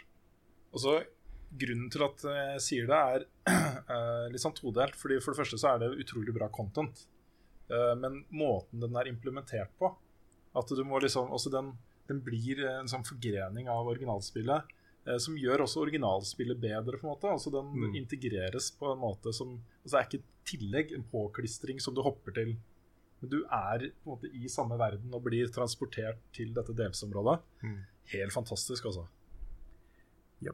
Jeg tror jeg må si Jeg spiller jo ikke så veldig mange spill, men GTA 5 det syns jeg holdt seg utrolig bra. Mm. At det har så mange oppdateringer. Det kommer jo fortsatt oppdateringer til det. Og mye av det er jo veldig gøy. Ja, Tenk på online, eller på Ja, ja på online, ja. Ja. Det har jeg ikke fått med meg, hva som er, men jeg husker jo da den eh, Heist-updaten kom. ja. Og det har jo kommet masse etter det. Jeg har jo ikke fulgt med på alt Mm. sjøl, men det er jo Du kan jo kjøre sånne der eh, stunt races og alt mulig rart. Ja, ja. Mm. Veldig mange kule ting som har kommet til eh, GTA. Mm. Mm. Jeg, jeg kan kanskje nevne den nest beste også. Okay. Uh, og det er vel mer Jeg vet ikke om man kan kalle det en delelse, uh, for dette er jo gamle dager. Men uh, etter Half-Life 1 så kommer jo Opposing Force, som eh, ble utvikla av Gearbox. Og det var jo eh, en helt ny historie eh, i samme timeline som originale Half-Life. Men du spilte som eh, soldatene som kom inn i Black Mesa. Hmm. Fantastisk bra spill. eh, utrolig kul måte å eh, fortelle liksom, den samme historien en gang til. Og særlig når man da møter eh, Gordon Freeman midt inni der og greier. Det var ordentlig stille, altså. Det er, jeg vet det er mange eh, spill som jeg har begynt på, som har veldig gode DLC-er, men som jeg ikke har kommet til, blant annet The Old Hunters. Og så begynte jeg jo på eh, Witcher 3, som har eh, Blood and Wine, som folk sier er jo en, en fantastisk eh, utvidelse. Men det jeg kommer på nå på stående fot, er uh, Reign of Giants til Don't Starve. Det la til så mye content og fiksa liksom jorda spillet helt nytt. Så da tror jeg kanskje Det er det jeg kommer på nå, i hvert fall. Kan jeg også gi en uh, shout-out til uh, delscenen i Civilization 5. For de fiksa jo det spillet på veldig mange måter. Det er Civilization 6 som er det nyeste, ikke sant? 5 var det Ja. forrige. Ja. For der, der var det sånn uh, Hadde en del mangler i starten. Så kom et par uh, expansions, og de gjorde spillet til det som da var det beste Civ-spillet, syns jeg. Så det også er en bra pakke. Bra måte å fikse et spill på, sånn som er det. Mm. Angående DLC, så jeg gleder meg veldig til uh, DLC-ene til Selda. Zelda. Jeg Ja, eh, spesielt den som kommer til jul. Ja. Vet ikke hva det er for noe, men jeg tror det blir, det blir bra. Det blir story-DLC, og det høres bra ut. Ja, jeg har faktisk ikke spilt det ferdig, for jeg har lyst til å finne masse shrines og sånn først. Ja, før jeg går inn til Ganon, for det er der, eh, jeg føler liksom at det er ferdig når jeg har vært der inne. Ja, ja. Jeg, Mm. Ja, jeg kan, jeg kan jo um, eh, nevne for det, da, at uh, jeg også utsatte Ganon så lenge som mulig. Da jeg kom dit, så var jeg så OP at det nesten ikke var noe gøy lenger. Jeg hadde liksom eh, 300 bombepiler og jeg, jeg kunne liksom bare Wow. stå der og spamme han. Det, det, ble, det var litt nedtur. Og det er jo sånn at når, etter at du har tatt uh, Det her er litt spoiler, ikke sånn veldig spoiler, men etter at du har tatt han, Mm. så blir du bare transportert tilbake til det siste save-punktet før du tok han. Ja. Så du kan godt gjøre det, Mm. og så gjøre, ta alle shrines og sånt. Det er uh, godt innafor, altså. Kanskje jeg må prøve nå. Jeg er på én Jeg har begynt på andre hjerterad. Ok. Så Ja, okay. ja, Det, det synes jeg er et ganske bra tidspunkt å ta, ja, ta igjen på. prøve på det. Da, da er du bra stilt, tenker jeg. Hvis du har tatt alle Divine Beasts og Ja, det har jeg også. mm. Hvor mange shines har du tatt? Uh, jeg tror jeg er 60 eller noe. Ja, ok. Halvparten. cirka. Mm. Ja, men Det høres ut som et uh, bra tidspunkt å Ja. kjøre på. Kan jeg også nevne mens vi allerede snakker om det, at uh, når hard mode kommer, nå 30. juni, Mm. så får det sin egen save slot. Det gjør det. Så det er litt kult. Og da, da tror jeg jeg hopper inn i spillet igjen. Altså. Ja, ikke sant? Ja, jeg Jeg, eh, jeg har venta på en grunn til å spille Zelda igjen, Mm. for det spillet er eh, Jeg er så glad i det. Ja. Det er så mye å gjøre òg. Det, er liksom, det stopper jo aldri. Hvis du har lyst til å gjøre alt, så blir du jo helt gæren. Mm, sant. Og det er, så, det er ikke en sjanger som vanligvis appellerer til meg, den der veldig åpne greia. For da ender jeg opp med liksom, «Å, herregud, det er så mange steder jeg burde gå, hva skal jeg gjøre? Jeg blir helt sånn Mm. stressa av det. Så det er alle de ikonene i Assassin's Creed-mapper, liksom. Ja, kjenner meg igjen på det. Men, Må eh, liksom bare begynne et sted, og så bare jobbe seg nedover. Ja, ja, det blir sånn, sånn sjekkliste med hjemmelekser, liksom. Ja. Men uh, Selda gjør det så utrolig smart, altså. Jeg Mm. kommer ikke over hvor, eh, hvor bra de har løst uh, Open World. Kan jeg få lov til å ta mitt uh, spørsmål eh, nå, Frida? Ja. Fordi det er et eh, spørsmål som har kommet inn eh, på melding til oss. Oh, okay. Eh, nå skal jeg først Han ville ikke eh, med full, stå, fremstå med fullt navn, men skal vi se Eh, Han liker å være en anonym giver, eventuelt Boblegass, som ble navnet, Boblegass, navnet på Patron. Nice. Han, han skriver først at han, eh, da han signa opp på Patron, så var det, var det 999 backere, så han ble nummer 1000. Hey. Det var litt kult. Congratulations, you are our 1000th backer. Eh, skal vi se. Er ganske, han har skrevet ganske mye her, så jeg skal prøve uh, å komprimere det litt. grann. Han skriver Jeg er en completionist som får ekstra glede ved dette aspektet i spill. Breath of the Wild er unntaket. Der klarer jeg meg fint uten gullbæsj. Eh, Et godt stykke ut i spillet begynte jeg runden for å samle ting jeg enten hadde gått glipp av eller ikke hadde mulighet til å nå tidligere. Jeg skulle til et visst område og rotet bortimot en time for å finne inngangen før jeg krøp til Google- Google-korset. det viste seg at dette området ble avsperret da historien gikk sin gang. Eh, I deluxe-utgaven Jeg tror han snakker om Jeg snakker Horizon. Ori. Ja. Ori, ja. Ori jeg snakker om. Ja, stemmer. Eh, I deluxe-utgaven derimot er det mulig å gå tilbake. Er dette greit? Er dette gjennomtenkt level design eller en blemme? Siden dette er et relativt kort spill, kan jeg se tanken bak med en utfordring for sånne som meg, men jeg er litt ferdig med spillet for denne gang, selv om det endte med 98 Eh, Det eneste det gjorde, var å legge en liten demper på en ellers fantastisk eh, spillopplevelse, og følelsen av dette kunne bli løst med en patch om det var en såkalt boomert.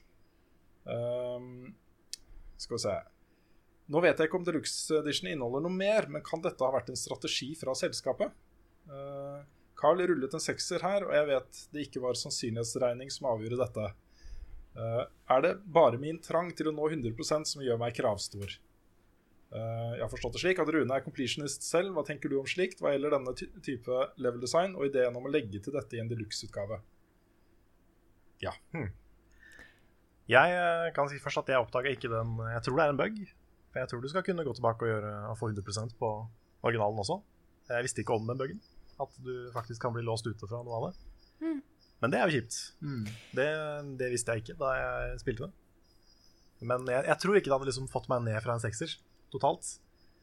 For det, jeg syns jo det spillet er magisk bra, liksom. Ja, herregud. Men Det er- eh, ja. det er jo irriterende hvis du går for en 100 og så finner du ut at det er umulig. Ja, Det det er er litt surt. Veldig ergerlig ting. ja, det er jo et sånt moment i Horizon også. Ok, Uh, helt mot slutten. Hvis du uh, Den tar jo vare på uh, autosaves ganske langt tilbake. Så jeg tror at hvis du oppdager at eh, holy shit, dette kan jeg ikke gjøre lenger, eh, så vil du sannsynligvis ha en save et stykke bak tilba tid tilbake. da Si en tre-fire timer du mister, eller noe sånt. Eh, men der, der er det en sånn ganske stor greie på slutten som gjør at mye blir låst ute fra deg, hvis du går for uh, platinum, f.eks. Alle trophies. Um, jeg er eh, mest fan av det som vi akkurat snakka om med Selda. At du blir, får muligheten til å gå tilbake til siste uh, save point før siste boss. for å gjøre de tingene du ikke har gjort. Det er på en måte den mest redelige måten å gjøre det på, syns jeg. Mm. Ja, eller la deg fortsette etter bossen. Eller la deg fortsette etter bossen. Det kan du Ja. også i Horizon. eh, men eh, da, da blir du på en måte akkurat den samme tingen. Da. For du blir Du har ikke gjort siste oppdraget. Du er ferdig med siste oppdraget, Mm. men etter at du har tatt, tatt siste oppdraget, så starter du rett før, da. Ja, sånn, ja. Ja. men for det, det, er også, det med Selda kan også være litt sånn ergerlig for completionists. Ja. Fordi du får aldri complete på ta Ganon, ikke sant? Du blir bare det sånn tilbake sant. til før det. Ja. Så um, du har det litt der òg. Ja, det er sant, det. Nei, jeg, jeg, jeg syns at spillutviklere burde anerkjenne at eh, det fins OCD-folk som oss, liksom. som eh, ikke klarer å s- Som har lyst til å fullføre det 100, 100 Mm. Og i hvert fall hvis det er trophies og achievements eh, involvert i det. I hvert fall det. Mm. For det er jo ganske viktig for noen, ikke sant? Ja. Ja. Uh, å få akkurat den trophyen det mangler for å få platinum, f.eks. Men jeg syns det er rart at ikke de har fiksa det i standardversjonen av Ori. ja, spesielt hvis det er deluxe-versjonen. Da Ja, viser det jo at det er faktisk en lett ting å fikse. Mm, for det er litt douchey, syns jeg. Ja. At de, de fikser det på liksom, den nye versjonen, men ikke på den gamle. Mm. Så det syns jeg de burde gjort noe med. Jeg er helt enig. Eh, vi har fått et spørsmål fra Stein Erik Lien, som spør eh, Lurer litt på deres tanker rundt fraværet av spillbare demoer. Før i tid var det demoer av alt, og dette føltes helt essensielt for å kunne velge hva spill man skulle bruke sine hardt oppsparte penger på. Er dette noe folk i dag savner, eller har Let's Plays og tjenester som Steam tatt vekk mye av behovet for demoer? Bra spørsmål. Ja, det er veldig bra spørsmål. Det er jo en del eh, spill som har åpne beta, så da har på en måte erstatta demoer litt i den grad. Eh, ja da. Eh, det er eh, Det er jo mange som har det, men det er veldig mange, særlig singleplayer-fokuserte spill, som ikke har det. Eh, hvor du er på en måte litt prisgitt eh, hva vennene dine sier, eller hva anmeldelser sier, eller snittscore på Metacritic eller på Steam, eller hva som helst, liksom. Mm. Um, og man får jo et utrolig mye bedre inntrykk av en god demo. Ja, det er helt sant. Og det er spill, og så kjøper man spill til lansering. Eh, det trenger man ikke gjøre lenger, for det, vi snakka om det også, at det tar ikke så lang tid før det er på salg. Mm. Men hvis man har lyst på et spill til lansering, så, så er det dyrt, liksom. Det er 600, ofte nå 700-800 kroner og sånn. Eh, da bør det, du bør kunne gjøre en informert eh, beslutning da, om dette er et spill for deg eller ikke. Og der er demoer på en måte det aller beste. Fordi For Det jo du bedre. har jo Nei, fortsett. Ja, Det er jo bedre å prøve det sjøl enn å bare se at andre spiller det. Du får jo ikke den samme følelsen hvis du bare ser noen andre gjøre det. Nei, det er Det er noe helt annet å prøve det sjøl. Jeg ser også mange prøver å øh, unnskylde det litt med at ja, men du har jo uh, angrerett på Steam nå. Men det er ikke det samme. Fordi da må du kjøpe spillet, og så sende inn en liksom klage eller en sånn for å få pengene tilbake. da. Det er en, det er en dårlig måte å liksom si at det er en demo på. Ja, jeg er enig. Det, du har jo Let's Play-konseptet, da, som gjør at mange kanskje får sett gameplay og folk sine tanker uh, om et spill lettere, og ofte litt før det kommer ut. Men uh, det er som du sier, at det, det er da å spille det sjøl. Du, du kommer ikke unna det. Så konklusjon, vi savner demoer. ja, vi savner demoer. Ja. ja. Men det er jo en positiv uh, utvikling, det er også at det finnes så mye åpne betaer og sånt. da. ja da. I multiplayer-spill så er jo ikke det noe problem. Det er denne singleplayer-opplevelsen nå, som jeg fortsatt mangler litt på. Mm. Tror du ikke Uncharted hadde solgt enda mer hvis det var mulig å teste et lite kapittel fra spillet før øh, Kanskje. Jeg tror absolutt det. alle de som ikke har råd til å bare kaste seg på et spill de har hørt er bra, liksom? Der er jo den aller eh, Vi snakka om beste delscenen eh, noen gang. eh, Men den aller beste demoen av et spill jeg har spilt noen gang, var Stanley Parable. Ja. Som basically var Stanley Parable, men en helt annet scenario. Mm, Det var fett, altså. det var det. Der er det sånn at du bør spille demoen i tillegg til spillet for å få liksom det også. Ja, det er det beste. Mm. Jeg spilte Final Fantasy 10-demoen kanskje sånn ti ganger mens jeg venta på det spillet. For det, det kom jo ikke til Europa før ganske seint. Ja. Så jeg bare spilte den demoen igjen og igjen og igjen. Samme liksom halvkjedelige mission hver gang. Ja. Men det var eh, Det var hype. Mm. Ja, Vi fikk jo demo på Owlboy òg, husker jeg. Det var Ja, litt det kult å faktisk få testa. Stemmer det. Hvordan det Første funker. timen av spillet, cirka. Mm. Før så var det jo demoer overalt. Hvis du kjøpte et spillblad, så fulgte du med en sånn demo-CD. Ja, ja, Jeg husker jeg spilte Metal Gear, den første banen. Jeg vet ikke hvor Oi, mange jeg spilte den på PlayStation 1. Bare om igjen, om igjen, om igjen. Ja, Apropos det også, Ground Zeroes, uh, som jo ble en slags demo for Metal Gear Solid 5. Ja, den Det er er dødskult. skikkelig kul. Vi kan ta neste spørsmål her fra eh, Anders Hole, som spør hvilket spill er det som har all time skuffet dere mest? Da tenker jeg på forventninger dere hadde satt, hype i presse slash media, og hvor dårlig spillet var i kontrast til deres, forvent deres forventninger. Det er ikke så eh, godt å svare sånn 100% på det, men uh Kanskje litt naturlig å trekke fram Beyond Two Souls igjen her. Som, eh, som jeg hadde mye høyere forventninger til enn det det endte opp med å være. Eh, jeg ble overraska over at jeg ikke likte det bedre. For det hadde sett så utrolig tøft ut i alle, alle gangene de hadde vist og uh, Jeg var jo fryktelig glad i Heavy Rain også. Eh, og innen det kom ut, så hadde på en måte de umiddelbare tankene rundt Heavy Rain fått satt seg litt, og jeg hadde begynt å se litt mer kritisk på det og se at her er det forbedringspotensial og sånne ting. Uh, og hadde et håp da om at David Cage hadde liksom OK, i Beyond Two Souls så tar han det helt ut og lager en komplett spilleopplevelse basert på hans filosofi rundt det å lage spill, ikke sant? Og så ble det den Men Detroit Men Detroit, Da- ja, da blir- der da blir det bra. igjen. Ja, altså. Ja, Nei, nei, nei kanskje, kanskje Tony Hawk. Tony Hawk 5. Mm. Det var ganske skuffende. Det endte jeg opp med å gi terningkast to i VG, tror jeg. Det var, det var sånn nesten én. Ja. Det var så dårlig. Mm. Jeg vet ikke hva det dårligste jeg er eh. Jeg hadde veldig høye forventninger til Super Mario 3D vel. Ah, ja. Så jeg syns det var veldig gøy, men ikke så gøy som jeg håpa det skulle vært. Så jeg har veldig veldig forventninger til Odyssey nå. Så jeg gleder meg veldig Ja. til å se hva det er. Hvis det, hvis det skuffer, Ja. da ble jeg litt lei meg. I hvert fall når jeg så den der uh, gameplay-demoen de hadde på E3 etter det var ferdig, liksom. Det var jo helt magisk. Det er sånn du vil at det skal være, liksom. Mm. Men jeg syns jo ikke Super Mario 3D World var dårlig, men det var ikke sånn jeg hadde sett det for meg, da. At det skulle være. Jeg håpa liksom på et Super Mario 64. Nei, jeg ser Jeg- altså. ja. Kan jeg gå litt tilbake i tid også, egentlig, og eh, trekke fram Daikatana? På den tida så var det jo på en måte ikke uh, Det var ikke så lett å få noe godt inntrykk av spill før de var lansert. Så det var ikke uh, jeg, jeg tror ikke det var liksom testa så mye på forhånd på messer og sånne ting. Jeg tror det ble lansert uh, fra skaperen av Doom, liksom. eh, Romero. Og det var jo helt forferdelig. Spillet var helt forferdelig. Og er jo en kalkun uten like. Det hadde jeg liksom forventninger til. Men, eh, Jeg må jo eh, jeg må få tatt opp eh, Når jeg var yngre, så spilte jeg veldig, veldig veldig mye Sonic Adventure 2 på GameCube. Sonic Adventure 2 Battle. Og har jo alltid vært Sonic-fan. eh, og tenkte at jeg skulle skulle nå fortsette å spille litt Sonic-spill. Hadde fått meg en Wii. Jeg spilte aldri Sonic Heroes. men så det første Eller det neste Sonic-spillet for meg var jo da Sonic and the Secret Rings. Som Ja. er så dårlig. I feel your pain.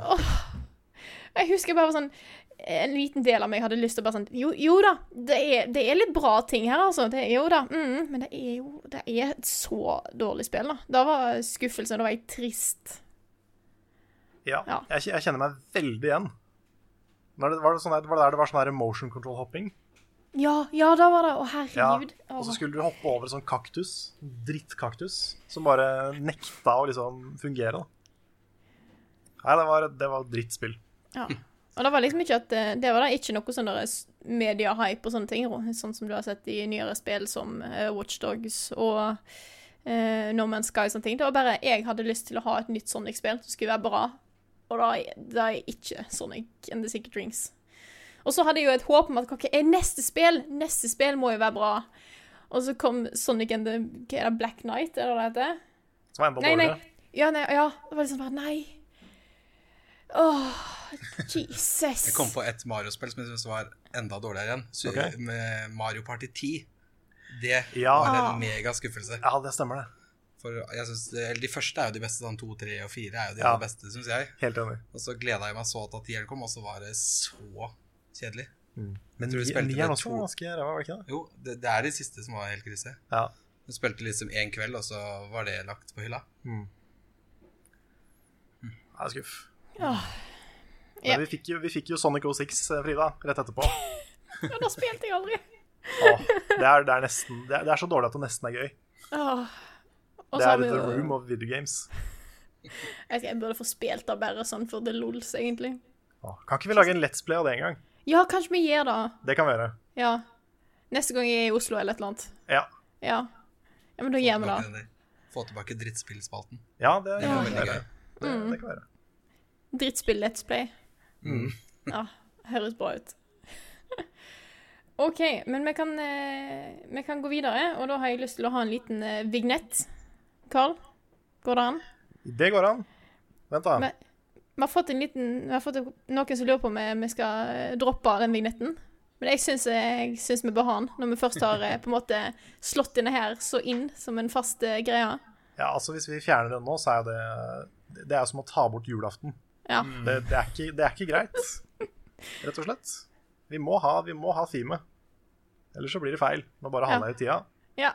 Det er det jeg gjør, skjønner du. Jeg bare venter på det. Sånn. Ukens Sinfor. Xbox avduka under E3 at de kom med Xbox One X, dvs. Si det andre power-up av Xbox One-konsollen. Tror dere at konsoller er på stedet hvil med Xbox One og PlayStation 4, og at disse versjonene blir bare oppgradert i framtida istedenfor helt nye design og modeller? Det var litt vanskelig å høre hva du sa, fordi den overdøva veldig. Dette er da et spørsmål vi har fått inn fra Trond Sinfor Borgersen, som bare har det på Nei, det, han, det han lurer på, er jo om uh, altså det at uh, nå Microsoft lanserer uh, Xbox One X, PlayStation har lansert PS4 Pro, tror vi at, at fremtiden blir bare liksom iterasjoner av de nåværende konsollene? Bare oppgraderte versjoner? Eller får vi helt nye uh, konsoller med nytt design og ny innmat? Det Det er er jo et veldig sånn go- godt spørsmål. Det er jo litt den Hvis du kan kalle det PC-approachen, da. For du har ikke generasjoner med i hvert fall PC-er på det punktet vi er nå. Der har du bare nye, uh, nytt hardware eller sånne ting. Tror vi at uh, konsollene kommer til å ta samme greie, eller vil vi få en, eh, ikke en Xbox 2 og en uh, PlayStation 5?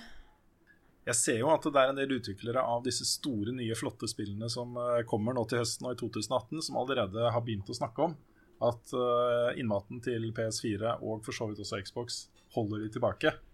Eh, og begynner å snakke om at, eh, at avstanden mellom da en uh, PlayStation 4 uh, og en toppspekka PC begynner å bli så stor nå at de, de sliter litt med å tette det gapet. Og det er jo Moores law, liksom. De får jo ikke noe mindre problem med det med årene. Forskjellene mellom en toppspekka PC og en, uh, en konsoll vil bli større og større i årene fremover. Så jeg tror at, at både PlayStation og Xbox må begynne å tenke litt nytt på hvordan de lager konsoller, og de må begynne å tenke nytt på det ganske snart. Jeg tror at enten så må du ha det sånn at du kan bytte ut deler i konsollen. Eh, eller så må de bare ta et hopp og se at nå kan de ikke bruke eh, en vanlig Xbox One eller en PlayStation 4 lenger.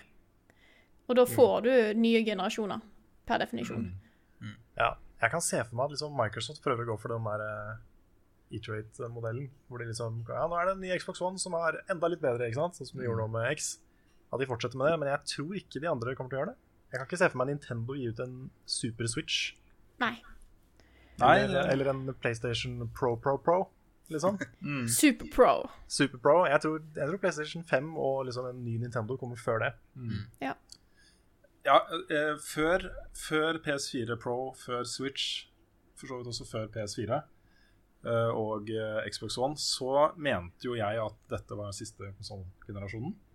Eh, jeg skrev en kommentar om det som sto på trykk i VG, eh, om at det er liksom Fremtiden til konsoller handler mer om eh, apps og streaming og sånne ting enn fysiske bokser. da Eh, og jeg mener det fortsatt, men eh, det har kommet inn et tilleggsmoment her. Eh, altså De empiriske bevisene sier noe litt annet. Og det er 60 millioner solgte PS4-konsoller. Ja, ikke sant? Det er veldig godt salg av Switch. Uh, vi får se nå hvordan det går med Xbox One eh, utover høsten. Uh, og etter lanseringen av X-modellen deres. Uh, Det er åpenbart fortsatt et marked for en stasjonær konsoll som folk har kobla til TV-en sin, og de vet hva de får, liksom. Eh, det er fortsatt mange som kvier seg for å involvere seg i det PC-helvetet som det jo faktisk er, da. At du kjøper en toppspekka PC til eh, 30 000, eller du får mye billigere enn det, da. Ja, du får en bra PC til 10 nå. Ja, du får en bra PC, men si toppspekka. Du vil ha det beste. Eh, mange er jo sånn. De Ja, ja. det beste som er mulig å få tak i. Ca. 20 000, da. Ja, 20 000 er bra, tror jeg jeg vil si, hvis du skal ha topp nå. Ikke sant. Eh, men to år senere så er det jo eh, en PC som er kanskje over dobbelt så bra. Eh, 18 måneder senere, da, skal man følge Morse law, Mm. så er, har det kommet en PC som er dobbelt så bra, med komponenter som er, gjør dobbelt så bra ytelse som den du har. Så føler du kanskje behov for å kjøpe ny, og så er du fanga av det der, liksom. Mm. Um, jeg skjønner jeg skjønner veldig godt at mange ikke har lyst til å hive seg på det. Jeg skjønner også de som syns det er digg, og som har lyst til å bruke sine surt oppsparte penger til å ha den feteste PC-en som er mulig å oppdrive. ikke sant? Mm. Ja, men det, det er jo tech-folk som Ja, ja, ja. liksom digger at det skal være, det skal være best mulig. Ikke sant? 8K-oppløsning hvis det er mulig. ikke sant? Bare få det beste. Nettopp. Uh, men jeg tror fortsatt konsoller har et marked. Men jeg, jeg tror også at fremtiden til konsoller fortsatt er uh, mer en service, kanskje. At uh, du, får en, du får en app på den nye smarttelefonen din som er ti ganger bedre enn den du har i dag. eller tableten, eller hva det er. Som streamer til PC-en. Så kjøper du tilleggsutstyr. Håndkontroller og sånne ting. Mm. Ja, jeg, jeg tror det blir fremtiden. Ja. Men Nintendo For- Switch har jo vist nå at uh, markedet er stort for mobile konsoller. Nintendo sliter jo fortsatt med å levere nok enheter. uh, og har jo gått ut og sagt at dette er ikke en uh, Dette er ikke en intensjonell mangel på konsoller for å liksom skape etterspørsel og hype. De sliter med å levere nok. Eh, så kanskje vi vil se noen konsoller som går mer over på portable enheter, da. Sånn som du sier, jeg snakker om eh, Rune, hen med mobil PlayStation 4 en gang. Mm. Fordelen med at du har PlayStation sånn, er at da alle de som lager spill til det, da får du det samme spillet. Mm. Du gjør jo ikke det på PC. Da kan du jo ha det med superoppløsning eller skikkelig dårlig oppløsning, og du får ikke den samme opplevelsen. Nei, Alle på PlayStation får den samme opplevelsen. Mm. Ja, Og Switch, for den saks skyld. Ja, ikke sant? Så har du den der eh, perioden hvor du må liksom gå inn og troubleshoote ting og google hvorfor funker ikke dette på min PC. Ja. Det Så det er en eller annen driver ja. som er ødelagt eller et eller annet. Ja, ja, et eller annet sånt. Ja. Mm. Hvorfor hakker spillet på den nye PC-en min? Nei, det er fordi et eller annet eh, opptaksprogram kjører i bakgrunnen som ikke du visste om. Mm. Mye sånne ting, da. Så det er, lett, det er veldig lettvint Det er det. med konsollen fortsatt, selv om de har blitt mer og mer kompliserte, de òg. Mm. Men jeg har også litt tro på at eh, en av disse produsentene, og da kanskje først og fremst Microsoft, kommer til å lansere en ny konsoll, en ny Xbox, om si to år, da, med utskiftbare komponenter. Da får du et sånt kjempestort problem ved at ok, hvis du skifter ut skjermkortet, f.eks., så kanskje du trenger mer ram. Kanskje liksom rammen blir en begrensning. Kanskje du må skifte ut det også. Ja. Uh, men at de finner en eller annen løsning på det, hvor hvor de sier at ok, uh, vi kommer ikke til å komme med oppdateringer så ofte, kanskje en gang i året så er det mulig å kjøpe en oppgradering til konsollen. Eh, det de må løse da, det er jo hvordan de skal håndtere alle de som ikke gjør det. ikke sant? Mm. Så da må man jo lage skalerbare spill uansett, Mm. som tar utgangspunkt i at noen vil sitte med lavt spekk, noen vil sitte med høyt spekk. Ja, det blir jo veldig komplisert for de som lager spill òg. For da har de ikke den oppskriften lenger. Da Nei, men det gjør det jo på PC allerede. Ja, Det gjør det. Ja. Du skal jo kunne ta utgangspunkt i at folk sitter med et vidt spekter av forskjellige speks på PC. Mm. Så det er teknisk mulig. Ja, det er mulig, men jeg bare ser for meg at det er litt mer kronglete. Hvis du skal Mm. liksom tilpasse deg til 14 Xboxer og Jeg har tenkt deg som forbruker da, å skulle forholde deg til eh, Ok, kanskje en versjon har eh, at den funker da, på den laveste spekken, men at det er store tekniske problemer. Mm. Eller at på den beste versjonen så er frameraten mye lavere enn på ikke sant? Ja. At man må sitte og håndtere en sånn jungel av forskjellige speks og Ja. hvordan ting Ja. flyter på de forskjellige. vi, vi lever jo ikke i en verden der hvor de venter med å lansere spill til alt funker perfekt. Nei, det gjør vi ikke. Så det er noe med det òg. Ja. Men uh, du er jo konsollmann. ja, veldig. Hva, hva er, ser du for deg liksom en, den ideelle framtida for konsoller? Nei, jeg vil jo tippe at det kanskje kan bli streaming, da, som Rune sier. At det Mm. blir streaming etter hvert. Men der har vi problemet med at det er jo ikke alle som har bra nok nett til å drive med streaming. Det er greit for de som bor i byene, men de som bor på landet, har jo virkelig ikke bra nok til å streame Netflix engang, omtrent. Der jeg kom fra før, så kunne vi nesten ikke det. Nei. Så jeg tror det kan bli et problem. Men uh, jeg er jo veldig for at det skal være én PlayStation. At ikke du kan oppgradere den, for da får du ikke den samme opplevelsen. Da blir det som å ha en PC, plutselig. Jeg Men også, jeg også er litt der, altså. Ja. Men, men, eh, men nå tenker jeg ikke nødvendigvis på at du skal streame ting over internett. Eh, Men at du sitter og streamer til en eh, mottaker på TV-en din, f.eks. Hjemme hos deg selv. da. Ja. Men hva om, da? Det, nå tenker jeg litt her. Men hva om eh, Sony inngår et samarbeid med uh, f.eks. Apple eh, og eh, Samsung eh, om å implementere sant, eh, PlayStation i eh, smarttelefonen deres? Så lager du en boks, akkurat som Switch, som du kobler den til. Og så det ligger inni hardwaren at du kobler den til den boksen for å få enda litt mer eh, ytelse når du skal spille på TV. Så kan du spille den da, håndholdt som med Switch, eller du kan komme den til TV-en. Ja. Jeg skulle jobba i Sony, vet du. Ja. Ja, ikke sant? Jeg liker veldig godt den Switch-greia. At du kan faktisk, når du setter den i eh, den dokken, så blir det 1080p på TV-en. Og at du kan bare ta den med deg. Det er i hvert fall veldig handy når du har unger, så kan de se på TV, og så kan du sitte og spille på Switchen. Ja, ikke sant? Det kan jo faktisk hende da, at de lanserer en ny dock som har mer power. Mm. At du kanskje får 60 frames med en ny- ny dock. Kanskje. Det, det kan kanskje skje. Mm. så Liksom blir det som expansion pack til Nintendo 64 og sånn. ja. Og så blir det spennende å se hva som skjer med konsollmarkedet når Atari skal inn igjen. Ja, sa jeg. Ja. Det blir helt sikkert bare en sånn eh, emulatorboks, tror du ikke det? Jo, en sånn Atari Mini, Ja, Ja. kanskje. jeg tror det også. Mm. Men det hadde vært dritkult hvis det åpna opp for, eh, for uh, utvikling av nye spill. At du bare satte i gang uh, utviklere verden over med å lage nye spill til Atari. Det, det kunne fort blitt dritfett, altså. Mm. Hm.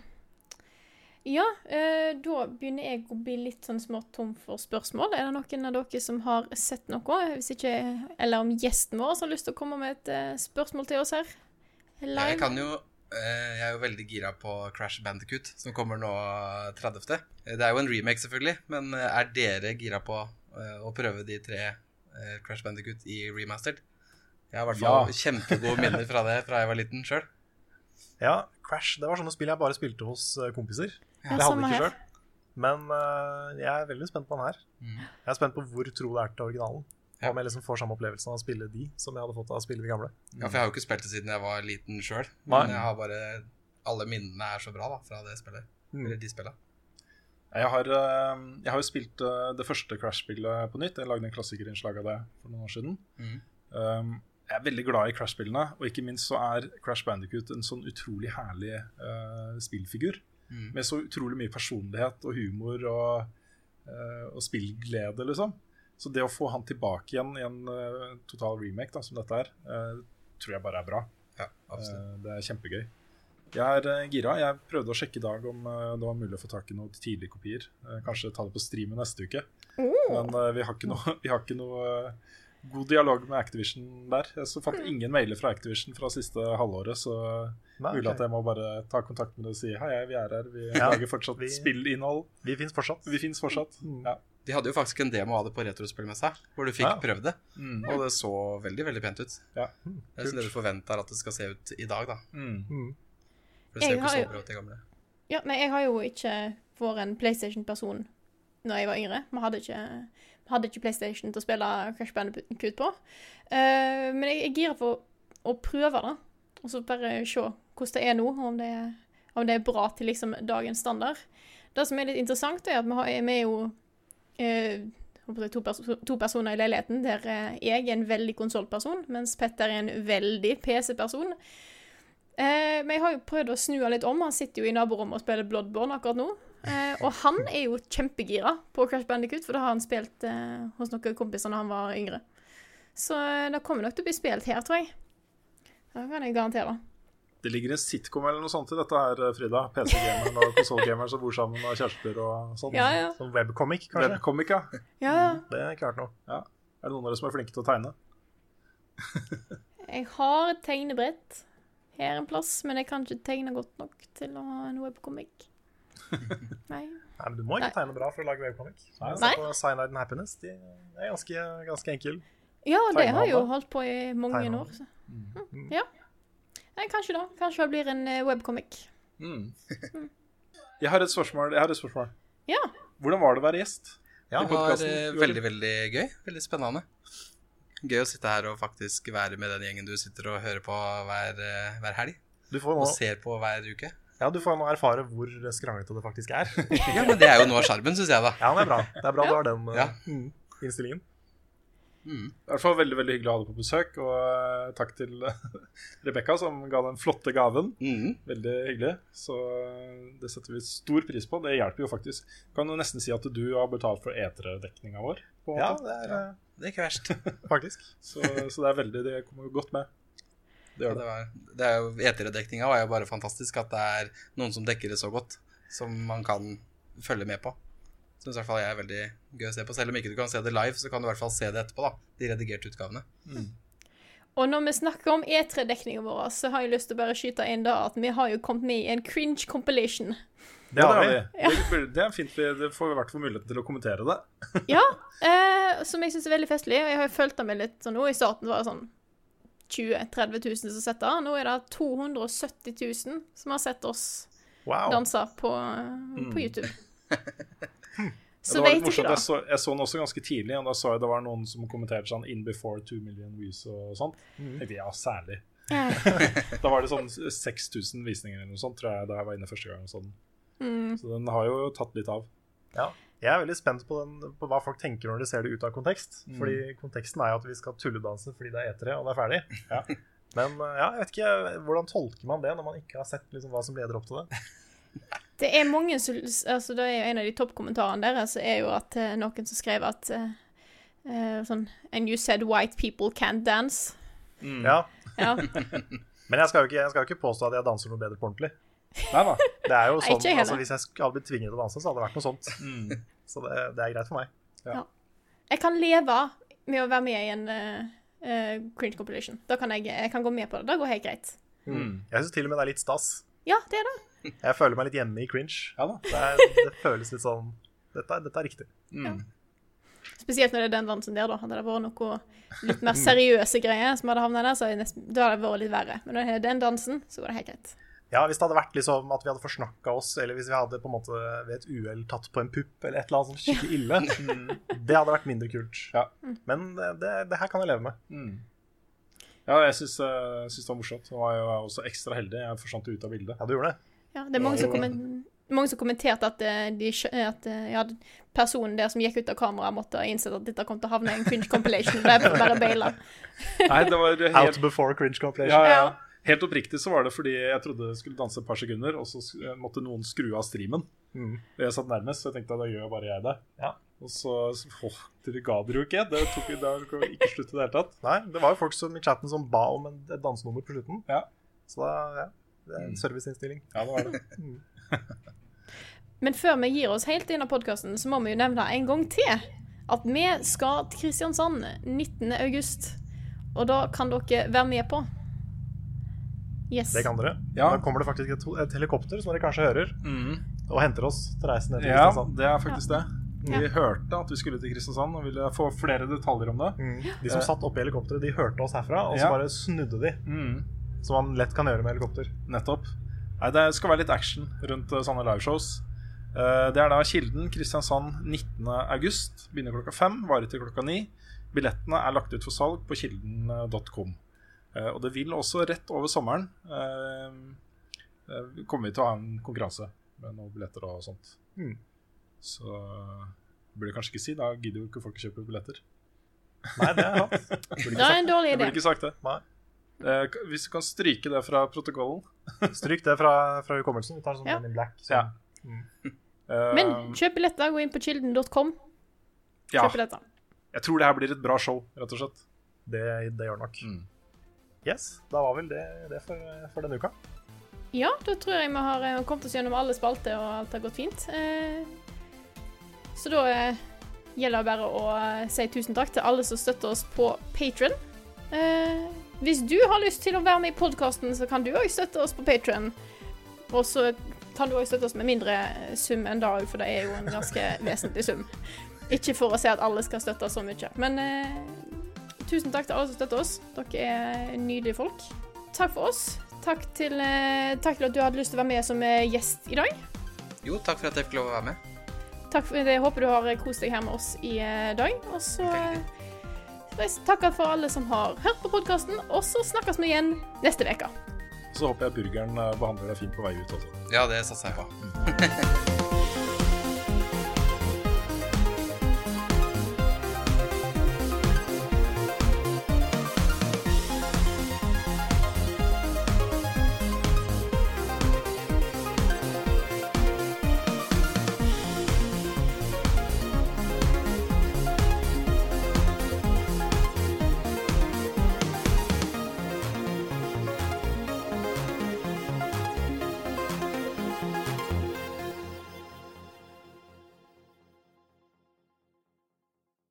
Har du et enkeltpersonforetak eller en liten bedrift?